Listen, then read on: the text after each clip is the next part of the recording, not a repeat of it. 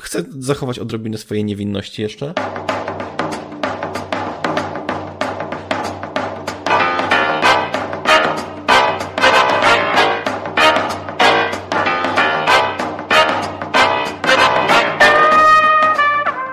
To ty nas raz zabrałeś na, na siku i poszedłeś.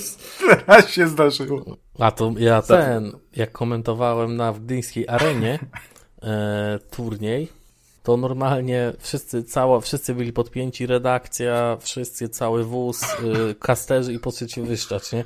Centralnie nie wyłączył mikroportu. Wesoło. No. Okej, okay, dobra. A myślałem, że takie rzeczy tylko w filmach. To jeszcze zależy, zależy jak to sika, no. bo jak ładnie sika, no to jeszcze można zaakceptować, ale nie wszyscy, nie wszyscy ładnie sikają. No. To co, dzisiaj będzie ranking jak, od najładniejszego do najbrzydszego sikania? O, pół biedy, że sikać. No dobra, no to w takim razie rozpocznijmy tę wspaniałą przygodę Trójkastu Retro. Odcinek dzisiaj e, czeka nas bardzo okrągły, bo czwarty, nie ma okrąglejszej liczby, tudzież cyfry.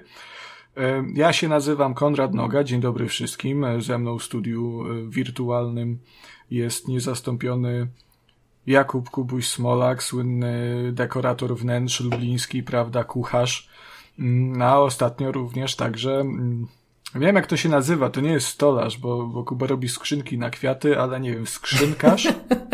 skrzynkarz, tak. To jest skrzynkarz. to określenie, którego szukałeś. Skrzynkarz. Skrzynkarz kwiatowy, dokładnie, bo to jest jednak taka podprofesja tego skrzynkarstwa, ale tak, to się wszystko zgadza. Dobry wieczór, dobry wieczór Konradzie, dobry wieczór wszystkim słuchaczom i dobry wieczór gościom, bo dzisiaj mamy dwóch gości. A któż to z nami jest? Tak, cóż, Kacper nas nie, nie zaszczycił obecno, obecnością na Trójkaście Retro, co jest y, w kontekście tego y, spin-offu trójkastowego rzeczą wręcz no niespotykaną, bo zawsze był. Kot jest, to można było słyszeć, bo właśnie się wspiął na krzesło. E, I tak, gości mamy dwóch i gości mamy znamienitych. Mm, w lewym narożniku jest z nami człowiek o dwóch twarzach, znaczy może nie dwóch twarzach, to człowiek bardziej, w którym żyją dwa wilki. Pierwszy to e, przykładny ojciec, e, słynny na, na całym Twitterze właśnie posiadacz rodziny tak słodkiej, tak oblepiającej serce miodem, że można się od tego nabawić cukrzycy. Mm, a z Kacper drugiej... się nabawił chyba, prawda? A Kacper to wcześniej. E, drugi wilk w nim drzemiący to jest natomiast, no, przeciwieństwo. To jest człowiek, który uwielbia strzelać, uwielbia karabiny, y, mordowanie wirtualne oczywiście, czyli Kamil Podryban. Dzień dobry, Kamilu. Dzień dobry, dziękuję za piękne przedstawienie. Dzień dobry. E, w prawym narożniku natomiast jest nami równie e, znamienity gość. Człowiek, o którym nawet nie wiem, jak go przedstawić, e, bo tyle tutaj można o nim powiedzieć. Jest to komentator esportowy. Sądząc po twitterowych postach ostatnio, jest to również no w pewnym sensie można by powiedzieć dietetyk. Dzisiaj widziałem piękne zdjęcie kiełbaski i jajeczek sadzonych z jakimiś tam warzywkami. Mm, mm, mm. Wspaniależ to wyglądało. E, jest to również, e, cóż, no, osoba bardzo kontrowersyjna, e, tworząca wręcz kontrowersyjne dyskusje. I cóż, no, no taki bym powiedział, że taki jajcarz, czyli jest z nami Andrzej Śledź. Dzień dobry. Dzień dobry. Trochę liczyłem, że ten pierwszy opis będzie o mnie. E, dzień dobry, bardzo mi miło.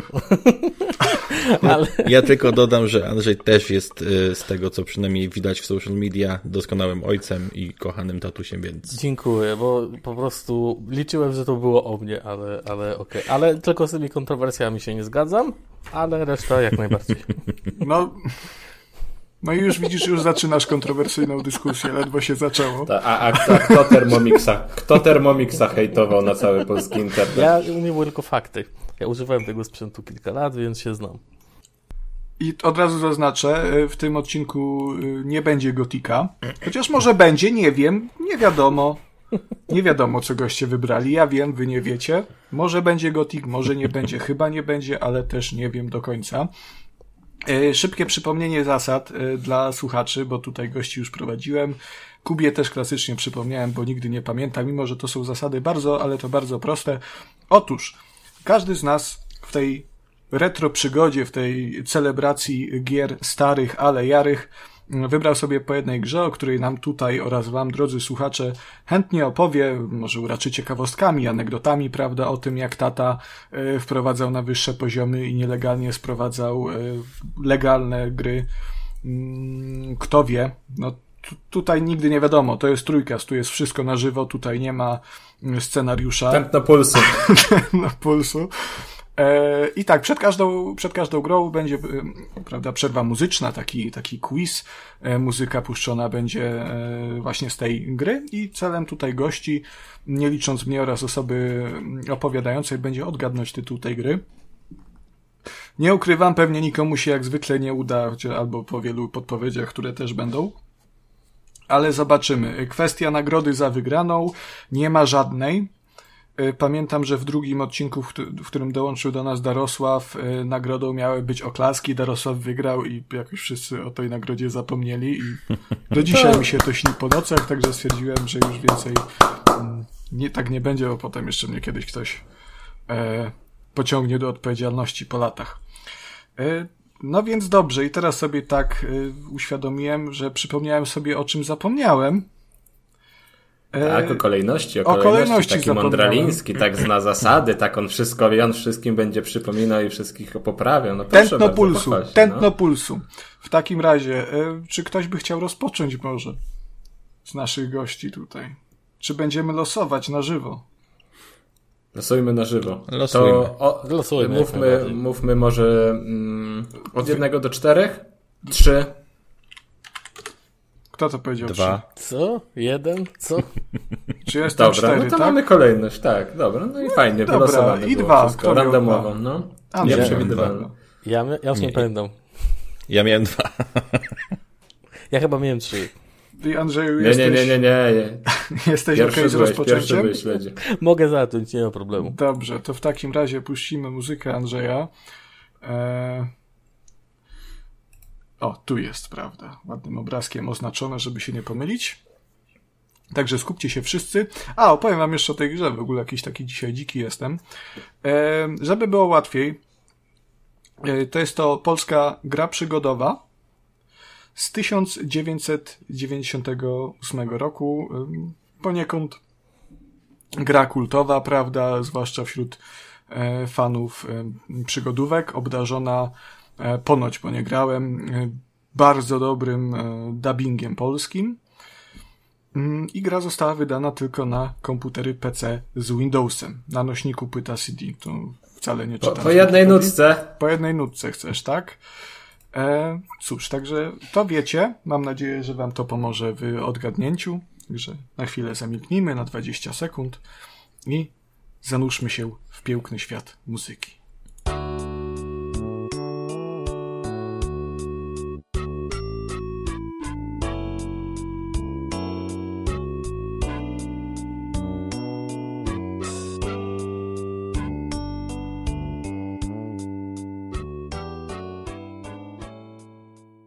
Piękna muzyka, taka kojąca, pewnie się ze mną zgodzicie. Tak, właśnie brzmiało troszeczkę jak y, takie dogasające wesele, tak gdzieś około trzeciej, czwartej nad, nad ranem, że coś by się sączyło z głośniczków i to taka muzyka, że tam już wiesz, ludzie mordy ze sałatek wyciągają, tam koszule białe barszczem oblane te, te, dopierają, tak mniej więcej to dla mnie, dla mnie brzmiało.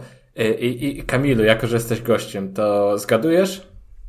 Znaczy, przyznam, że coś mi gdzieś, jakieś takie pierwotne wspomnienie w głowie się odzywa, natomiast ja z przygodówkami nie miałem dużego doświadczenia, więc może to po prostu właśnie to skojarzenie weselne u mnie w głowie zaświtało. Eee, nie, nie będę strzelał, nie będę się kompromitował. To ja od razu szczerze przyznam, że u mnie to jest bardziej z opisu samego gry, bo jak, jak powiedziałeś, że to jest kultowa polska przygodówka z tych lat 90., to zaświtał mi w głowie książę i tchórz. No i elegancko, Kubusiu, pierwsze zwycięstwo twoje w tym Bam! odcinku, gratuluję! Gratulacje. Książę Boom. i tchórz od Metropolis Software, nad którym pracował Jacek Piekara i Andrian, Andrian, Adrian Chmielarz między innymi. Także to powiedziawszy, Kuba się ucieszył, wszyscy się ucieszyliśmy. Pierwszy sukces w historii Trójkastu Retro. Także Andrzeju, no Ja to uznaję głos. za mój sukces. Ja to uznaję w ogóle za mój sukces, bo... To e, poniekąd nie. jest. Bo... Tak. Znaczy nie, no też nie oszukujmy się. Ile gier wy, wychodziło polskich w tamtych latach? Tak, dokładnie, też... dokładnie. Do tego też myślę, że jeżeli mowa w ogóle o przygodówce i polskim dubbingu, to jest, e, to jest coś takiego, co no, mocno nakierowuje na ten tytuł. W ogóle mam wrażenie, że tamte lata, bo tak szczerze mówiąc, ja tę grę dostałem gdzieś tam po mojej pierwszej komunii, wtedy dostałem komputer i tak naprawdę to było odkrywanie gdzieś cały czas tych gier, odkrywanie tego, też każdy był w takim momencie, że cały czas dowiadywaliśmy się nowych rzeczy, co te gry potrafią dawać, bo u mnie to była najpierw jakaś wyścigówka, to był Screamer, w ogóle moja pierwsza gra na PC-cie, E, wyścigówka i tak potem pojawiały się strategie i tak wybrałem ten tytuł, myślałem raczej nad tym, co lubię, czyli nad grami RPG, bardziej jakimiś tam klasycznymi, ale myślałem, że o ile można o Baldur's Gate i, i, tego typu grach rozmawiać, więc y, takie bardzo moje mocne skojarzenie w ogóle z tymi pierwszymi latami grania to jest Książę i Tchórz, bo to była y, to jest, jeżeli ktoś, nie wiem, myślę, że w sumie w tych czasach to nie dość, że sama gra wiadomo, że już nie jest tak popularna, to w ogóle point and clicky troszkę może nie umarły, ale mają się znacznie gorzej, a trochę mam wrażenie, że kiedy ja w to grałem, to były takie, nie wiem, czy można powiedzieć złote lata, ale z tamtych y, czasów bardzo wiele tego typu gier pamiętamy, bo przecież mamy, poza, w Polsce mamy tą Ace Venturę, co która była y, niesamowicie popularną grą, pamiętam, że to się wszyscy zagrywali, Różowa Pantera, E, Hopkins FBI to też pewnie tutaj kojarzymy ze względu na świetny dubbing, bo tam między innymi Pazura podkładał głos z tego co pamiętam. E, no było chłopaki nie płaczą jeszcze. Tak, chłopaki nie płaczą, Lary. Lary chłopaki, to... chłopaki nie płaczą to był dużo, dużo później. To był chyba jakoś 2008, tak? no. A, a graficznie by jakoś graficznie by pasował. Tak, tak, graficznie zdecydowanie pasował do mhm. klimatu. Mi się wydaje, że oni starali się mocno jednak te gry, jakby nie, nie mówiąc właśnie gdzieś tam podejść pod tych tytułów, bo e, mam wrażenie, że one mocno wyznaczyły ten gatunek, zwłaszcza gdzieś tam u nas.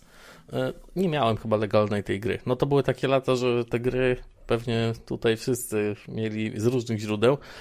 Ale o co chodzi? Co, co insynuujesz? To, to, to, wtedy nie było do końca nielegalne, bo wtedy jeszcze nie było tak ustalonych e, tego prawa o, o właśnie o tych własnościach. No, w, 98 to już było od 4 lat, nie? Ale... Nie wiem, nie wypowiem się. Pamiętam, że, znaczy, wiesz, chyba, że ten pan, chyba na... ten pan, co sprzedawał z auta, w takim klaserze, może, może to było Chyba legalne. wiem, czy to tata był. Na drugim odcinku trójkastu, trójkastu retro ustaliliśmy, jaka jest zasada. Jeśli nie czujesz się winny, hmm. to znaczy, że wszystko było ok. No, tak... no nie, i, i, i, i w tych latach, no tak się te gry często nabywało. E, no i jakby mam wrażenie, że to była pierwsza moja, jedna z moich pierwszych gier, która miała taką głębszą warstwę fabularną. E, nie było to po prostu typu gdzieś tam strategie, te bardzo stare, po prostu zniszcz przeciwnika, gdzie jeżeli była jakaś fabuła, to raczej się e, gdzieś tam człowiek nią nie zagłębiał e, specjalnie. Chodziło tam o zabicie wroga, a tutaj od początku była to świetna historia, uważam ją do dzisiaj, że była bardzo fajna. Niedawno sobie, no w zeszłym roku sobie robiłem powtórkę z tej gry.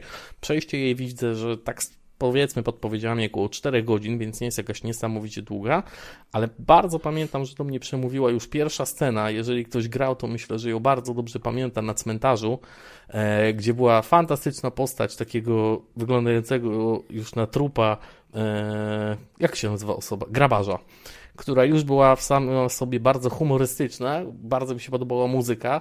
E, dubbing zrobił na mnie niesamowite wrażenie, do dzisiaj uważam go za świetny. I, i, i, I gdzieś ta gra była takim umie prekursorem mocnym, jeżeli chodzi o w ogóle chęć poznawania fabuł w grach, że od tego się u mnie zaczęło, one potrafią mieć naprawdę, e, naprawdę ciekawe. Mm, ciekawe fabuły, wciągające historie i, i to nie muszę chwytać książki w grze, mogę poznać naprawdę świetną, e, świetną fabułę. Wtedy ją taką uznawałem, tak jak mówię, dalej uważam ją za całkiem niezłą. E, ten dubbing i, i w ogóle uważam, że też stylistyka gry mocno mnie gdzieś tam też pchnęła ku zainteresowaniu średniowieczem, fantastyką, e, bo, bo bardzo ładna kreska. Jeżeli gdzieś tam ktoś będzie miał okazję sobie poglądać, na przykład polecam e, Pierwsze Miasto, które jest fantastyczne, pełne życia i mimo, że minęło tyle lat od gry, to ja dalej pamiętam, tam jest taki koleś w karczmie, który gdzieś tam popija, nie chce nas przepuścić do Arivalda, czarodzieja.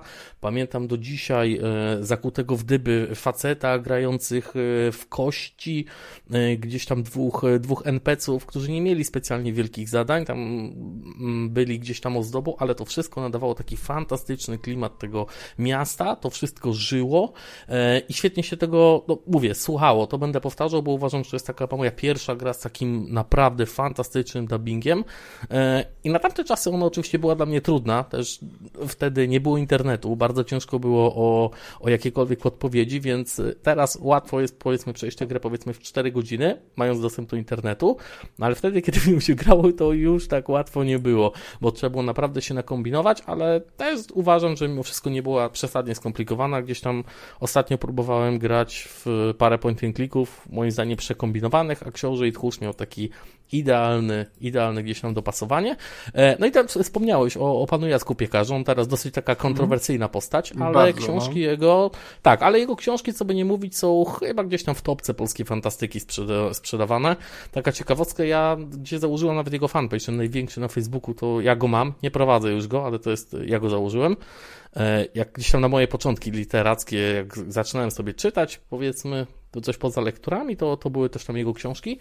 E, no i dużo wniósł, uważam, do gatunku. Gdzieś tam cały czas się kręcił e, przy tym początkach, więc no, był to pisarz. Można sobie lubić, nie lubić, ale uważam, że zrobił tutaj kawał dobrej roboty. Mm, tam wiemy też, że gdzieś powstaje gra znowu na, na, na Inkwizytorze. Zobaczymy, co z tego będzie. Ale Książę i Tchórz sam w sobie, nie? On jest powiązany fabularnie z chyba... Tak, tak. Z czymś... Tak, nawet postać Aribalda. Mhm, tak, tak, bo y, on napisał ani słowa prawdy, tak mi się wydaje.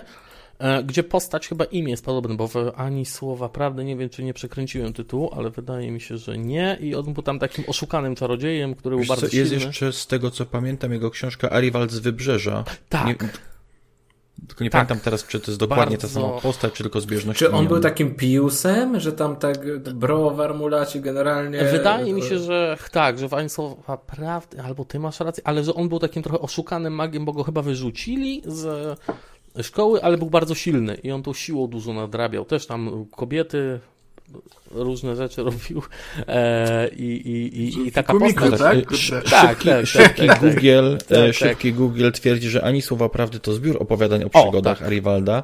Mhm. Natomiast Ariwald z Wybrzeża to jest y, chyba z kolei powieść, tak mi się wydaje. Ja nie wiem, czy to nie jest, to nawiązaniem nie było, jest taka klasyka Czarodziej z Wybrzeża, to jest w ogóle, ale teraz nie, nie, nie chcę przekręcić, jest taka klasyka fantastyki, to nie wiem, czy to nie było troszkę nawiązanie tej postaci, nie przypomnę sobie, ale Czarodziej z Wybrzeża jest taka bardzo klasyczna fantastyka, kiedyś też miałem okazję poczytać. No ale wracając do gry, no mam wrażenie, że tutaj bardzo dużo zrobiło to, że właśnie e, no, wziął się za to, e, wziął się za to taka osoba, która nadaje się do tego. E, świetna według mnie też, zwłaszcza na tamte czasy, ta, ta kreska, ona mi się do dzisiaj podoba. Jak, jak włączycie sobie gameplay, to wiadomo, te piksele już tak nie wyglądają świeżo jak kiedyś, ale bardzo dużo, bardzo dużo to wkładało. Do mnie dzisiaj trafia ta stylistyka, dużo interakcji było, bo tam można było sobie poklikać, tu się odzywali, tu się odzywali, ciekawe postacie. E, też dzisiaj świetnie pamiętam tego e, samotnika z pustelni, gdzie kombinował człowiek ile mógł, e, żeby gdzieś tam w nim wejść tą interakcję.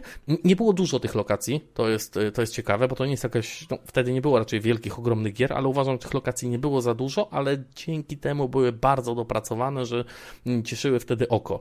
Więc, no mówię, jak tak Dalej sobie... cieszą, myślę. Tak, też mi się wydaje, że jakby to jest grafika, która się pewnie starzeje, ale bardziej tak technologicznie, typu -hmm. ilość pikseli i tak dalej, ale od warstwą artystyczną to jest dalej ładna rzecz. Jeżeli to komuś pokażesz, to może się zainteresować, jeżeli ja gdzieś tam będzie podchodził. Ja mm -hmm. sobie i postacie, no już troszkę widać, że to jest, to jest nie ta epoka, ale tła właśnie no, robią wrażenie nadal. Są naprawdę prześliczne, bo to są takie e, no, malowane, nie? To, to nie jest stworzone z pikseli tak do końca, w sensie to nie jest grafika komputerowa, mm. mam wrażenie, tylko to jest na, namalowane, e, przynajmniej tak wygląda ludzką ręką i do dzisiaj się broni, naprawdę.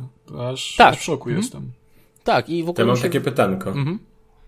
Bo teraz przeglądam sobie screeny i na jednym obrazku jest um, wnętrze skrzyni z przedmiotami znajdującymi się w tej skrzyni i tam jest y, dziecko, w sensie noworodek w tej tak, skrzyni. Tak, tak, tak. O co chodzi? Może y pamiętacie? Może... co, to jest y, postać, która... Nie wygląda po... jak lalka. I, I teraz powiem wam szczerze, że na tyle dawno grałem, że nie pamiętam dokładnie. Dostajesz go w pierwszej scenie z tym grabarzem, to nie jest więc jakiś wielki spoiler, on ma spełnić twoje życzenie, on jest goły, E, I to jest magiczna istota. I ona trafia normalnie do twojego fipunku. Później, już nie będę tutaj zdradzał, bo potem się z nią zawiązuje akcja, ale on na samym początku już e, na tym cmentarzu do ciebie, do ciebie dołącza. To jest tak naprawdę jedna z pierwszych, e, z pierwszych interakcji i gdzieś tam jest z nim bardzo dużo śmiesznych gdzieś tam rzeczy związanych.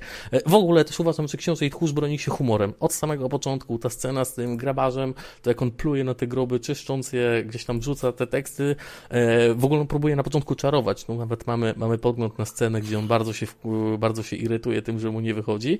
E, więc też ta gra od samego początku nie jest, e, od razu nam ta, pokazuje takie gdzieś tam puszczenie oka, mrugnięcie, że to nie jest do końca na poważnie. Tu jest dużo humoru, tu jest gdzieś tam dużo takich mrugnięć okiem, nawiązań, nawiązań też do takich raczej klasycznych dzieł. Mm, Wiedźmin chyba wydaje jest mi się. No? Tak, tu jest w ogóle bardzo dużo nawiązań i, i, i widać było, że tutaj e, właśnie przy tworzeniu tym byli mocno gdzieś tam. Ja jestem do dzisiaj przekonany, że nie wszystko wiem, bo Yy, bo gdzieś tam w trakcie czytając o produkcji się dowiaduje, czym się inspirowano, gdzie, chciano puści, gdzie, gdzie chcieli puścić twórcy oczko i naprawdę fajnie, fajnie e, gdzieś tam cały czas jest e, wracać sobie do tej gry. W ogóle ja ją polecam, bo uważam, że właśnie gry typu point and click, one się nie starzeją jakoś źle, bo mechanika zawsze będzie taka sama. Dzisiaj jak odpalimy, jest ich bardzo mało moim zdaniem, tych, tych point and clicków, ale no to się wiele nie zmieniło, tak? Zresztą wraca nam, e, ostatnio wrócił nie Planeta Małp. Monkey Island. tak, dokładnie, Monkey Island y, przecież też wraca i ta gra... Tak, no muszę, muszę w końcu przysiąść, nie miałem okazji. No ale te gry gdzieś tam nie będą w mainstreamie. Nawet dzisiaj wspominałem, że wyszło 4 lata temu Matrioszka. E, e, Iron Curtain, też bardzo ciekawy mm -hmm. point click, więc czasami coś tam wychodzi, to są bardzo, bardzo fajne Polski. rzeczy. Tak, dokładnie, dokładnie. To jeszcze Mundis robiło. Mhm. E, oni przerzucili się chyba na gry teraz na telefon od jakiegoś czasu. Artifact Mundi, tak. E, ale to uważam też, że bardzo fajna gra i jeżeli ktoś by chciał sobie odpalić point and clicka, to dalej będę uważał, e, jest trochę zabawy technologicznie, bo tam jest potrzebny emulator, ale jeżeli macie ochotę rozegrać sobie jakiegoś point and clicka, poznać fajną, ciekawą historię i w ogóle dobrze się pobawić z humorem, to ja serdecznie polecam grę Książę i Tchórz, bo uważam, że mimo upływu lat to jest dalej gra, która się świetnie broni, no i w dobrze się spędza po prostu czas i, i, i mówię, to mimo upływu lat dalej można się bawić. Ja tylko sprostuję od razu, bo mówisz, że mhm. będzie potrzebny emulator. Jak ktoś ma to na płycie, to, to tak. E, natomiast e, Książę i Tchórz, tu w ogóle pod tytułem Galador Książę i Tchórz, e, jest dostępny na Gogu za bardzo przysnętne pieniądze, bo 20 zł bez grosza, a obecnie w promocji jest za szóstaka. Mm, także można sobie pół chleba odpuścić, mhm. prawda? I, I, ma się fajną grę. I ma no. bardzo ładną okładkę. Też pamiętam, że, że ma bardzo ładną okładkę. Mhm. Też narysowaną mi się bardzo podoba. A, ty mogłeś mieć inną okładkę akurat. No. Ale Andrzej sam sobie narysował i to bardzo ładna. Ja się uważam za bardzo zdolnego, mi się podobało. Ja pamiętam, jak się robiło, że drukowało się okładki przecież do płyt, żeby ładnie wyglądały. Tak, tak, tak. No. tak. Nie mówię, tam pan, pan ten, co sprzedawał z tego auta, z bagażnika miał okładkę. E, to jak wracając jeszcze, ta wersja z Gaga od razu będzie miała e, tego DOSBoxa. Zakładam, że to nie jest potrzebny. E, albo coś w tym rodzaju. Nie, na... one mają. Wiesz co, bo ja ostatnio klasyczne Dungeon Dragonsy stare ogrywałem. Kupiłem e, beholdery i tak dalej i tam automatycznie się odpala, więc domyślam się w książę i tchórz będzie tak samo. To się wszystko samo będzie włączać. Mhm. No to GOG tak ma, nie? Że to już jest przystosowane do odpalenia mhm. po pobraniu, także ja, ja też dla pograne Zresztą Kamil tak samo. E, sporo Owszem. tych klasyków z Goga ogrywa, e, także to się nigdy nie miałem problemu, żeby jakiś problem był z odpaleniem. Także można śmiało kupywać, jak się ma Windowsa 11 nawet. Um, jeszcze mam do Ciebie pytanie, bo tak zahaczając o te me mechaniki, powiedziałeś, że to się nie starzeje i, i, i no, sama formuła. No to jasne, te gry się od lat 90. nie zmieniły praktycznie w ogóle. Natomiast e, ciekawi mnie jedno i myślę, że to będzie mogło wielu na, naszych młodszych słuchaczy, jeżeli takowych mamy, jeżeli są zainteresowani starymi grami, zainteresować. Znaczy, co, ja chyba nie chcę, żebyśmy mieli młodszych słuchaczy, bo teraz mi będzie... No nie, no, no młodszych, wiesz, no w moim wieku, no 25 lat, może teraz mi będzie przykro, że, że krzywdzimy młodzież. No. Nie, no to ja mówię o młodych dorosłych tutaj bardziej, prawda? Ale młodzież jak... jak to jest tak w wieku Kacpra po prostu. Tak, tak, tak. Na, nastolatków, prawda, tego typu. E, no to mnie to na przykład bardzo interesuje, bo lubię wracać sobie do tych starych gier, natomiast z przygodówkami mam ten problem, że zazwyczaj odpalając gry przygodówkowe z lat 90., o 80. nad nie wspominając, bo z automatu łapię po poradnik, odkąd zagrałem w Leisure Suite Larry 2, e, ponieważ w tych starych przygodówkach jest, jest ta taka uciążliwa mechanika, mm, zresztą nie wiem, czy to do końca można mechaniką nazwać, raczej sposób projektowania gier. To się z angielska nazywa e, Dead Man's Walking e, i to jest, to, to jest to zjawisko, mm, kiedy, kiedy zrobimy coś w grze, co za... Ty musisz być taki popierdolony, przepraszam? Ja pierdolę na szafę wszedł. Domyślam się, że chodzi o, o, o, o, zrobienie czegoś, że nie możesz już wrócić. Yy, gra się tak, zatnie? tak, tak, tak. To w Kajku i Kokoszu nawet, można było. No to o, o, coś takiego, że nawet mhm. nie wiesz, że zablokowałeś sobie drogę do e, ukończenia gry w zasadzie i nie możesz już wrócić do miejsca, gdzie na przykład, nie wiem, musisz podnieść patyk albo sprzątnąć kupę. E, mhm. Jak, jak pod tym względem książę i tchórz wypada? Nie czytałem nigdy, nie zagłębiałem się, nigdy nie miałem tego problemu. Wydaje mi się, że jest zaprojektowane tak, żeby uzmysłowi Kajko i Kogoż była gra, trzeba było zdobyć sprzęt i wyjechać wozem i nie można było już wrócić. I e, w pierwszej wersji Kajko i Kokosza jeszcze na Midzy było można wyjechać wozem, nie zbierając jednej rzeczy, bez czego już nie dasz rady przejść gry, bo nie wziąłeś pod potrzebnej rzeczy. W Książę i Tchórze wydaje mi się, że, tego, że czegoś takiego nie ma. Może ktoś mnie poprawi, ale ja przynajmniej nigdy nie miałem tego problemu, a przychodziłem tę grę, no pamiętam, za dzieciaka, e, potem jak byłem starszy, no z trzy razy i nie miałem nigdy problemu. Przeszedłem tę grę w całości, więc y, no może jak bardzo pokombinujesz, ale no, jakbym je obstawić, wydaje mi się, że tego problemu tu nie ma.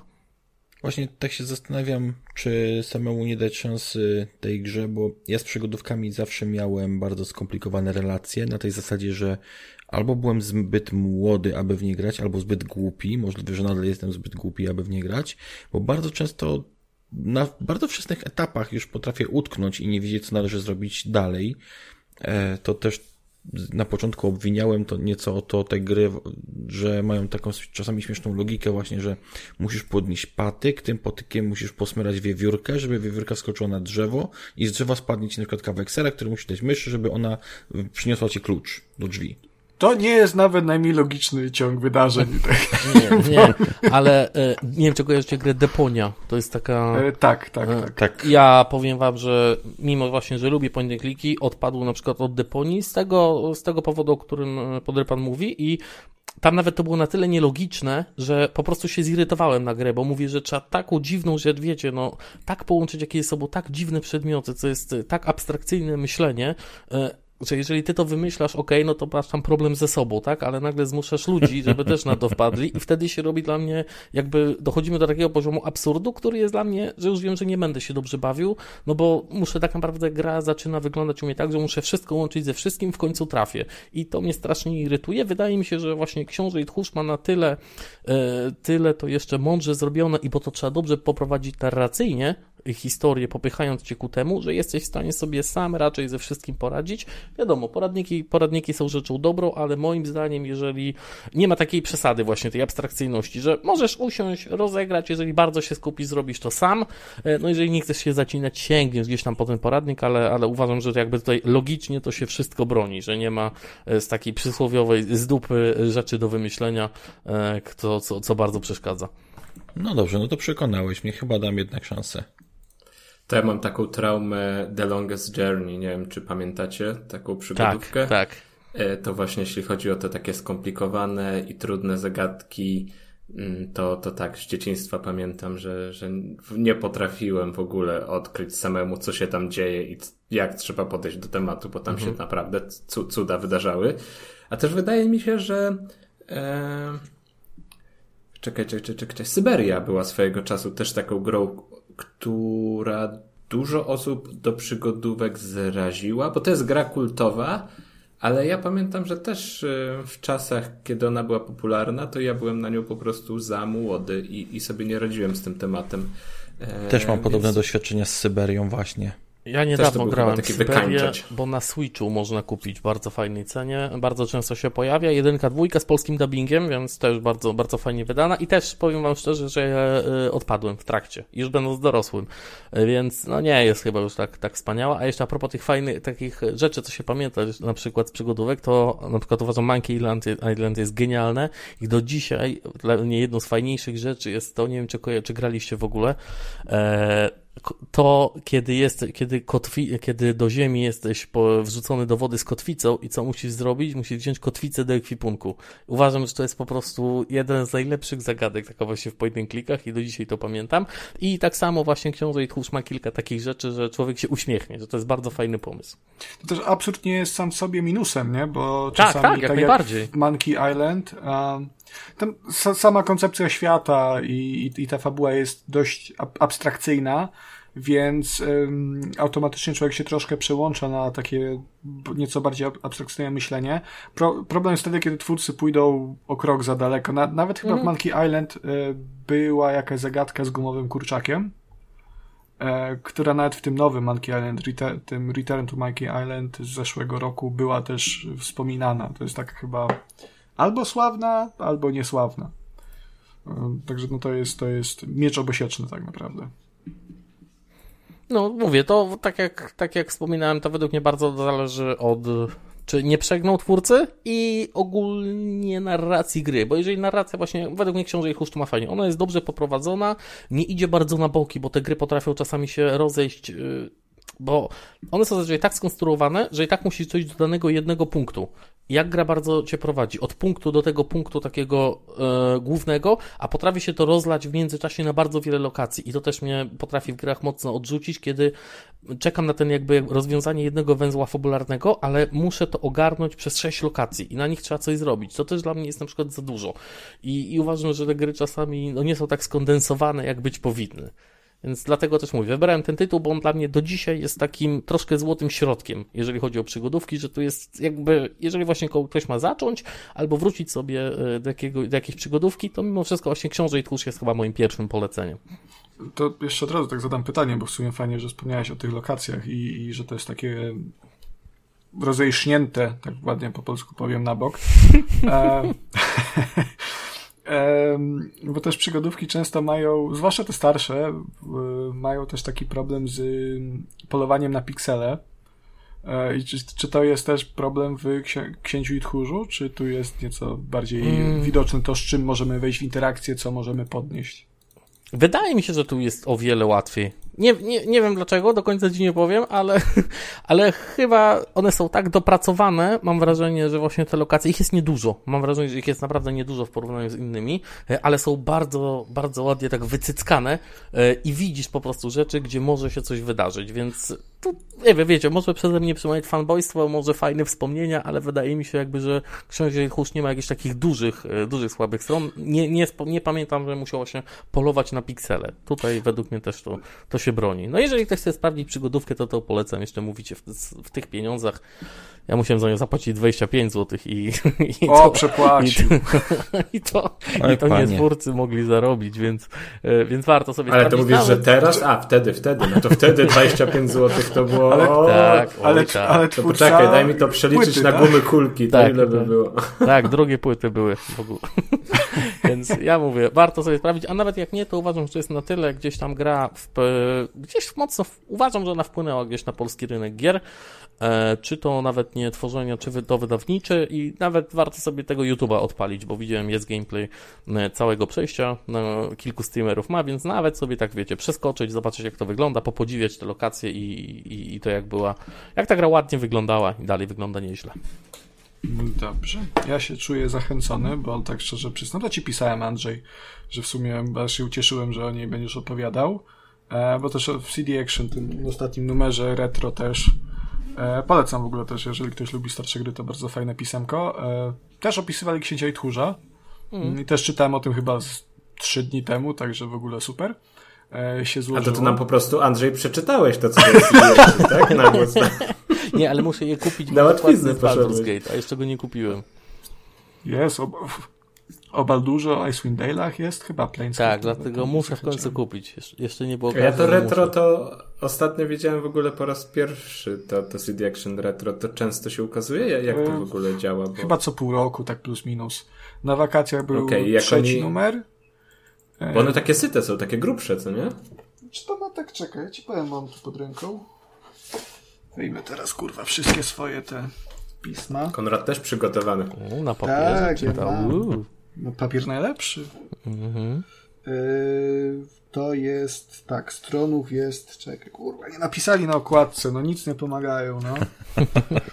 114 stron i to jest 16 stron więcej niż ostatnio. Czyli nie pierwszy. No to ile było ostatnio? Yy, Co najmniej 98. brawo, Szybka matematyka, brawo. analityczny umysł, prawda? Skąd oni tyle gier do retro biorą? Swoją drogą, jak już jesteśmy przy pismach, to ja sobie sam zrobiłem czasopismo retro ostatnio. E, I Oho. wyjąłem ze strychu CD Action z y, 2007 roku. Mm, numer jest dziewiąty, to jest który? To będzie. To będzie. Konrad, ale ty nie, ty nie masz strychu. To będzie wrześniowy numer 2000. No, u, u rodziców w domu mam, tam jeszcze zostało. I tam przepiękne smaczki są, bo na przykład yy, no był na tekst o Dead Island, no, tam zapowiedź była, bo wtedy jeszcze pierwsze Dead Island nie wyszło przez najbliższe 4 lata i była dopiero zapowiedź, miało być w 2000, 2008 roku yy, i pisano o tym, że to jest taki, no wygląda na to, że to będzie survival horror, także coś nie pykło. Trochę się pozmieniało, no. Troszkę tak. Znaczy, no wiesz, jak ktoś się boi na przykład y, flamingów, no to jak najbardziej. Dwójka to jest absolutny horror z tego, co Kacper um, opowiadał w 41 odcinku y, regularnego trójkastu. Zachęcam do odsłuchania. E, dobrze, to teraz tak, przejdziemy do następnej gry, o ile nikt jeszcze Poczekaj jeszcze chwilkę, bo ja teraz jestem, e, czuję się w obowiązku dodać, bo jeśli chodzi o współczesne przygodówki i point and to ja tutaj muszę polecić swoje ulubione studio. Nazywa się, e, trudna nazwa to jest zawsze dla mnie, Amanita Design. I to są ludzie, którzy zrobili Machinarium, to są ludzie, którzy zrobili Samorosty, Huchela, Także to są, to są świetne gry, świetne przygodówki, bardzo abstrakcyjne, ciekawe. Te ich światy też są takie barwne i, i różnorodne, więc te gry jak najbardziej polecam zawsze i wszędzie. To tyle, no, taki off-top. A to jeszcze dodam, w sumie jak już tak polecamy, no to nie oszukujmy się, ale według mnie dwie najlepsze gry i to tak raczej nie, nawet nie przyjmuję dyskusji ostatnich lat, takie ogólnie dla branży gier, moim zdaniem, to jest Disco Elysium, które tak. jest przygodówką, to jest po prostu kosmos. To, co zrobili, w ogóle nie zagrać Disco Elysium, to po prostu Grzech. grać w gry. Tak, dokładnie. I też uważam za przygodówkę Return of the Obra Dinn. To też uważam, że to jest jedna z naprawdę najlepszych gier e, ostatnich lat, więc też jakby jest tego niedużo, ale naprawdę są takie perły, które, które warto poznać i e, no Disco Elysium nie ograć to jest po prostu wstyd. To jest, więc, to jest gra absolutnie wybitna, e, tak. artystycznie, fabularnie, no po prostu, no muzycznie nawet, no miazga jest. No to, to, to... No to ja się zaczynam zaczynam wstydzić w takim razie, bo mam no, na swojej nie, liście do ogrania, ale jeszcze nie miałem okazji. To, jest, to jak poprowadzana mm. jest mhm. narracja, e, dyskusje ze sobą, to jak ten świat, to jest po prostu według mnie w grach naprawdę no, ciężko o coś, o coś takiego. Na tym poziomie, co jest zrobione, mm. to, to wypada nawet typowo zainteresowania się grami, zobaczyć jak to wygląda, bo, bo no, po prostu kosmos. Ciężko, ciężko naprawdę. Ogólnie też bardzo dużo gier zaczęło podchwyciwać sporo pomysłów z tej gry, dlatego no, widać, że jest to taki no, krok milowy. E, tak, Pentiment na przykład. To jest tak, chyba tak, taki tak, tak, najpopularniejszy przykład y, tego, tego ruchu takiego. Mhm. ale też tak myślę, bo tak wspomniałeś o ty, właśnie o tym o Return to Obredin. I jeszcze tak zahaczając o, o, o, to, co mówiłeś, że no dzisiaj tych przygodówek nie ma i to jest nisza, mm, to troszkę też te przygodówki mm, poszły mimo wszystko w innym kierunku. Taką nową wersją przygodówek można te symulatory chodzenia tak naprawdę nazwać. Tak, y bardzo możliwe, ale wiesz co, tak samo jeszcze teoretycznie, chociaż może nie do końca te wszystkie Tales Games, te, te takie przegadywane powiedzmy, chociaż tak, no, może... Nowożytna taka to jest ta, ta przygodówka. No, Trochę powiedzmy. uproszczona forma, ale mm -hmm. faktycznie też pomyślałem w pierwszej chwili o tych wszystkich Talesach. Chociaż to też już trochę umarło tak naprawdę, nie? No, pojawiają no, się tak. jakieś... Teraz, te, ale... teraz ma mieć powrót w postaci The Expanse, więc kto wie. A to kogo tam DX Master. A, ale jeszcze czeka. ma być no. ta, e, ten taki kryminał, troszkę noir w świecie, gdzie była jedynka. The Wolf Among Us? Tak, dwójka tak, ma być tak, na tak, tak, tak, dwójka ma się pojawić. rok przesunęli. Kocie, no, proszę tak rybkę wziąć i gonić. No. E, okej, okay, to myślę, że e, możemy przejść do kolejnej gry. E, miało być zwięźle, a jak zwykle w trójkaście no, wychodzą jakieś ciekawe dyskusje zawsze i to, żeby nie było, że tu upominam kogoś w żadnym razie. Ja to bardzo lubię. Mm, dobrze, kto miał numerek drugi te, teraz? Wydaje Jakie... mi się, że ja. Dobra, to i tak będziemy w sumie losować, bo to tak to miało być, okej. Okay. Smolak miał pierwszy, nie? Smolak. Jeszcze raz, jaki pierwszy? Ja Numerek miałeś. Trzeci byłem. Trójeczka byłem. Czemu Andrzej opowiadał? Bo miał jedynkę. Ja tak. nie, ja już opowiedziałem, nie cofnę. Nie, no Konrad jedynka jest przed trójką. A się trójka wylosowała. Aha, bo ty jeszcze losowałeś u siebie drugi raz, tak? No bo wyznaczyliśmy sobie ja numerki że... i było losowando. No dobra, no to w takim razie kto, Kamil miał dwójkę, tak? To ty w ogóle nie złapałeś pomysłu mojego świetnego losowania. To Ale ja też wszystko... nie, wiesz? Wy mi tylko powiedzieliście, że mam no. mówić. No proszę powiedzieć e, numer cyfrę i od jednego do czterech, no i tak wylosowaliśmy kolejność. No, no dobrze, ja sobie wziąłem RNG w Google, także kolejny numer mi się wylosował um, jedynka, czyli to będzie e, pierwszy kolejności następny, czyli osoba, która miała dwójkę. Czyli no to ja. Kamil. Tak? Pasuje ci taka kolejność, czy wolisz, żeby któryś Może z nas być, jak najbardziej. Dobrze, to w takim razie. E, co mogę powiedzieć o grze e, Kamila? Życzę powodzenia z, z odgadnięciem tytułu po muzyce. Ale nie jest tak źle, jak myślałem. Jak mi Kamil sprzedał tytuł, to sobie myślę, oho, tam nie ma w tej grze muzyki zbytnio. Ja w ogóle po muzyce będę strzelał, nawet nie, nie interesuje mnie, co powiesz. No. To o, ja wiem, to jest Bardzo to mi miło w takim... Takie... Cześć, Andrzej źle się powiedział z banu. Dobrze. Co, coś, co się wilkiem jajka łapało do koszyka, to jest ta gra, tam nie było Nie, dźwięku. tam byłam, znaczy w sumie nie wiem. Dźwięk nie, był, tutaj, tutaj w nieco świeższe czasy uderzamy, to jest najświeższa gra z tego zestawienia, też dostępna tylko na komputerach PC z systemem Windows. Gra posiada jeden dodatek e, i tak powiedziałem, że z 2005 roku jest, jak nie, to już powiedziałem e, i jest to gra z, ga z gatunku taktycznych, pierwszoosobowych strzelanek. Mm, także po tej podpowiedzi to was powinno nakierować. E, posłuchajmy. Super, że to nas powinno nakierować. Także puszczę wam muzykę, może to wam pomoże.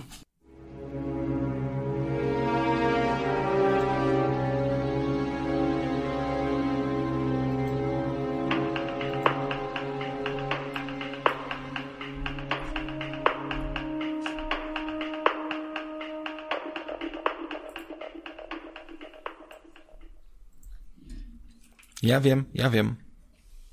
To, to mów, bo ja nie mam pojęcia, ja będę strzelał i tak. SWAT 4. Zgadłeś. Ja chciałem Bioshocka. Bam! Ale to A też tylko dlatego, że powiedziałeś taktyczne strzelanki i pierwsze, co mi przyszło do głowy, to... E, swoją drogą, e, Bioshock to też jest bardzo dobry strzał, ponieważ ta sama ekipa odpowiada za obie gry, za SWAT 4 i za Bioshocka. Więc ja uważam, że mam punkt. Takie trzy czwarte. Ja tego słota pamiętam, ja, ja grałem w niego. Rozumiem, że teraz jest moje kolejne opowiadanie, tak? Tak, bardzo proszę. No dobra. Więc y, SWOT 4 to nie jest pierwsza taktyczna strzelanka, w którą grałem. To jest natomiast pierwsza taktyczna strzelanka, która sprawiła, że się w gatunku y, taktycznych gier jakby zadłużyłem, bo najpierw grałem w trójkę, która trójka była bardzo fajną grą, natomiast trójka wyszła jejku chyba w 90 ósmym albo dziewiątym roku i no ja wtedy jeszcze byłem na to za młody. Ja miałem wtedy sekundkę sprawdzam, teraz trójka wyszła w dzięki Google, nie podpowiadasz? W każdym razie, ja miałem coś koło 10 lat wtedy, z tego co pamiętam i nie dość, że angielskiego tak jeszcze w tamtym momencie nie bardzo ogarniałem, a e, gry taktyczne, gdzie było dużo fachowego słownictwa i, i, i no cóż, taktyki i myślenia, kombinowania, to mnie przerastało. SWOT 4, 2005 rok, to już miałem lat 16. Nie dość, że radziłem sobie lepiej z angielskim, radziłem sobie lepiej ogólnie z grami i myśleniem, tak mi się wydaje przynajmniej. I SWOT 4 ujął mnie bardzo właśnie tym jakby dążeniem w kierunku realizmu. Bo wcześniej już grałem w strzelanki, jakieś tam Call of Duty, wszystkie Medal of Honor, Quake'i, Unreal, te rzeczy. I SWOT był po prostu zwyczajnie inny. Tam wszystko było powolne, tam trzeba było się zastanowić, zaplanować już przed samym rozpoczęciem misji. E, to dobre 5-10 minut można było spędzić tylko na przygotowywaniu się do gry. Jeszcze w ogóle bez żadnego grania. Po czym, jak za pierwszym razem usiadłem do tej gry, tutaj ok, rozplanowane, każdy tutaj ma ekwipunek wybrany, plan działania przygotowany, ruszam do gry. Pierwsze starcie w ogóle z rzeczywistością skończyło się bardzo szybkim zgonem, bo okazuje się, że SWOT 4 jest grą cholernie trudną. E, natomiast najfajniejsze w tym wszystkim jest to, że jak już damy sobie radę, jak, już ogarniemy jakby te podstawowe zasady, którymi ta gra się kieruje, to ona jest szalenie wciągająca. Jest, yy, jak już mówiłem, bardzo trudna, ale przez to też jest bardzo satysfakcjonująca, jeżeli nam się w końcu coś uda. Bo nawet pierwsza misja, która jest taka naprawdę dosyć yy, prosta, żeby też ten jakby wstęp do gry nie był przesadnie skomplikowany, jednak ona wymaga znajomości e, mechanik w tej grze. Tutaj bardzo dużo polega na zarządzaniu e, oddziałem, tutaj bardzo dużo polega na tym, żeby przede wszystkim e, twórcy, z tego co pamiętam, podkreślali bardzo wyraźnie, że to nie jest typowa strzelanka, to jest gra, gdzie skupiamy się na ratowaniu życia. W końcu jesteśmy oddziałem antyterrorystycznym, to nie są komandosi, którzy wpadają i strzelają do wszystkich, to są przede wszystkim policjanci, którzy przynajmniej w teorii powinni ratować życie. Więc tutaj trzeba zachować wszystkie procedury. Jeżeli widzimy przeciwnika, trzeba do niego krzyknąć, trzeba go spróbować obezwładnić, trzeba go przekonać, żeby się poddał. Strzelać możemy tylko i wyłącznie wtedy, kiedy jakby jesteśmy zagrożeni, bo inaczej gra to każe. Więc jeżeli potraktujemy to jak zwykłego FPS-a, przybiegniemy sobie od pokoju do pokoju, będziemy strzelać do wszystkich po kolei, to się okaże, że wynik mamy absolutnie beznadziejny i musimy powtarzać całą misję. To taki będzie wtedy e... bardziej współczesny symulator, może symulator współczesnego policjanta amerykańskiego. Tak, e, czek, czek, czekałem z tym dowcipem na trochę późniejszy etap, ale tak, nie szkodzi. tak, e, w każdym razie, przepraszam, łyk wody, bo jak zwykle mi już zasycha. To ja zapytam, Wodę jak ty pijesz? o tak. tej godzinie. Ja zapytam, czy tam jedna, chyba pierwsza czy druga misja to było wejście do domu, gdzie w piwnicy był wykopany tunel? Tak, druga misja. Tak, druga misja. Druga, nie? Tak, no mhm. właśnie też jakby, to jest, było na tyle, tylko tak szybko się to, to było na tyle e, mocna misja na tamte czasy, jak byłem dosyć młody, że do dzisiaj ją pamiętam, więc... więc... Tam ogólnie właśnie mhm. y, były, było kilka misji, które potrafiły też tak dosyć mocno wstrząsnąć graczem, bo w przeciwieństwie do poprzedniej części, bo SWOT 3 była lekko fabularyzowana tam, e, tam było jakieś, miało być bodajże z tego co pamiętam, duże zbiegowisko polityczne, no i w związku z tym e, dużo rzeczy się działo, więc ci operatorzy SWOT musieli tam działać i każda misja była powiązana z poprzednią. Tutaj nie, tutaj gra traktuje to tak jakby to było faktycznie tak w miarę realistyczne, czyli po prostu nie dostają wyzwanie, nie dlatego, że jest wielki spisek zakończenia świata, tylko no, gdzieś się okazało, że ktoś się zabarykadował, bo y, próbował obrabować stację paliwową i coś nie poszło, więc wziął zakładnika i teraz jest impas. Więc wzywają SWOT. Okazuje się gdzieś indziej, że ktoś y, słyszał strzały z sąsiadów, wezwał policję. Okazało się, że policjanci zostali ostrzelani, więc wezwali SWAT. I na tej zasadzie polega cała ta gra. Każda kolejna misja, owszem, jest troszeczkę bardziej wymagająca i trudniejsza od poprzednich, ale są ze sobą zupełnie niezwiązane. To jest taki po prostu jakby slice of life, taki kawałek życia funkcjonariusza y, ten, tych jednostek antyterrorystycznych. Ale właśnie ta druga misja, która zresztą jest taki bardzo fajny dodatek do, yy, znaczy w zasadzie mod do tej gry, który jeszcze bardziej zwiększa realizm w niektórych momentach. E, I tam on zamienia pierwsze dwie misje kolejnością właśnie, ponieważ ta druga misja jest łatwiejsza od tej pierwszej i lepiej sprawdza się jako wprowadzenie, ale samo właśnie to zakończenie, tam sprawa bez większych spoilerów, ale tam i tak fabuła nie jest taka super istotna. E, gość po prostu porywał młode kobiety, no i miał swój taki jakby, nie wiem, coś w rodzaju torture dungeona wykopanego własnoręcznie pod swoim domem na zasadzie pod domem swojej matki. To, to nie o tortury Więc... chodziło, Kamil. Znaczy, okay, no poniekąd nie, nie, to też były tortury, no ale... Znaczy, powiedzmy tak, gra pozostawia, znaczy gra nie mówi wprost, po co to ale było, ona to bardzo wyraźnie sugeruje się. wizualnie, po co to było, ale tak, no powiedzmy, że nie chcę trochę chcę zachować odrobinę swojej niewinności jeszcze. E, to, to jest w ogóle fajne w SWOT 4, e, bo jak, ja o tym chciałem powiedzieć jak e, po muzyce zaraz, ale oczywiście mówiłem do wyciszonego mikrofonu. E, to trzeba było kota wyjąć z reklamówek, które są po klawiaturze, która mi przyszła. Um, także to jest no. E, wyście dzieci uśpili, ja kota nie dałem rady niestety, e, także... Nie usypiaj kota, proszę. Gdzie żeś tu wlazł? Dobra. E, cały czas się tu kręci skubany teraz, ale przynajmniej nie miał, czy więc jest dobrze. To chciałem właśnie powiedzieć, e, bo jako, że to robiło Irrational Games, e, to bardzo to czuć. E, właśnie to, to, że to robiło to studio od Bioshocka.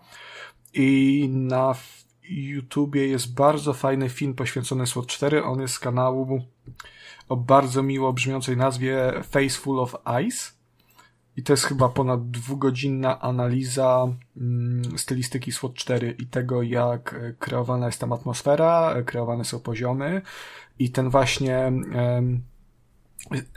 ta narracja środowiskowa, tak się chyba tłumaczy, environmental tak, storytelling. Tak, tak, tak, tak jak ona tam wybrzmiewa i to jest po prostu fascynujące, jak to wygląda i po obejrzeniu tego filmu jeszcze większej, e, większego szacunku do tej gry nabrałem. E, no i ta, ta druga misja, to jest chyba właśnie na, ta, ta w tym e, domu, z tymi podziemia, z podziemiami wcale nie sex dungeonem. Mm, ona jest chyba takim najlepszym przykładem, ale też nie jedynym, bo, bo to jest gra, którą naprawdę można analizować, która opowiada całą tą swoją historię, mimo że tej fabuły tam w zasadzie nie ma, e, jako takiej jednej, e, jednej takiej konkretnej, to potem próbowano w dodatku wprowadzić, ale to też tak wyszło, dodatek się syndykat nazywa, też tak wyszło, tak było. Mm, natomiast każda misja tutaj to jest osobna, osobna taka opowieść, którą poznajemy właśnie przez to środowisko. I to jest, to jest mega w tej grze. Tak, to jest też bardzo fajnie zbudowane, bo zaczyna się dosyć standardowo na, na zasadzie odprawy policyjnej, więc dostajemy e, krótki raport, co się dzieje. Możemy prawda, najczęściej, nie, nie wiem czy w każdej misji, ale wysłuchać e, nagrania z rozmowy telefonicznej osoby, która z, złożyła zgłoszenie. W każdej. E, mamy o właśnie, mamy dostęp tam właśnie do jakichś tam notatek, do rozrysowanego planu budynku i to jest jakby początek, kiedy dowiadujemy się mniej więcej plus minus o co chodzi w tym zadaniu, ale tak czy siak o co tak naprawdę chodzi, dowiemy się dopiero w środku, jeżeli faktycznie zwrócimy uwagę na to całe otoczenie, bo można wejść, można iść od pomieszczenia do pomieszczenia, szukać przeciwników, aresztować wszystkich i, i spoko, ale jeżeli faktycznie się troszeczkę y, czasu spędzi rozglądając i patrząc, co kto robi i co, co gdzie się, kto się gdzie znajduje, bo wprawdzie no, część z tych rzeczy jest losowa, tak jak e, niektóre misje potrafią mieć po prostu dodatkowych paru przeciwników, żeby było jakieś urozmaicenie czy coś, ale widać bardzo dużo takich wskazówek, które y, tłumaczą, że ta restauracja tak naprawdę nie jest restauracja, że w tym hotelu działy się rzeczy, które się dziać nie powinny, etc., etc. I faktycznie tutaj to, to środowiskowe opowiadanie historii jest bardzo fajne i to są takie zamknięte, pojedyncze, mniejsze historyjki, takie wycinki. E, bardzo mi się spodobał też motyw, e, to jest chyba przedostatniej misji, e, kiedy na początku gry wchodzimy do pomieszczenia i widać telewizor, na którym leci nagranie, gdzie lokalne wiadomości podają właśnie informacje o tym, że oddział SWOT wkroczył do akcji.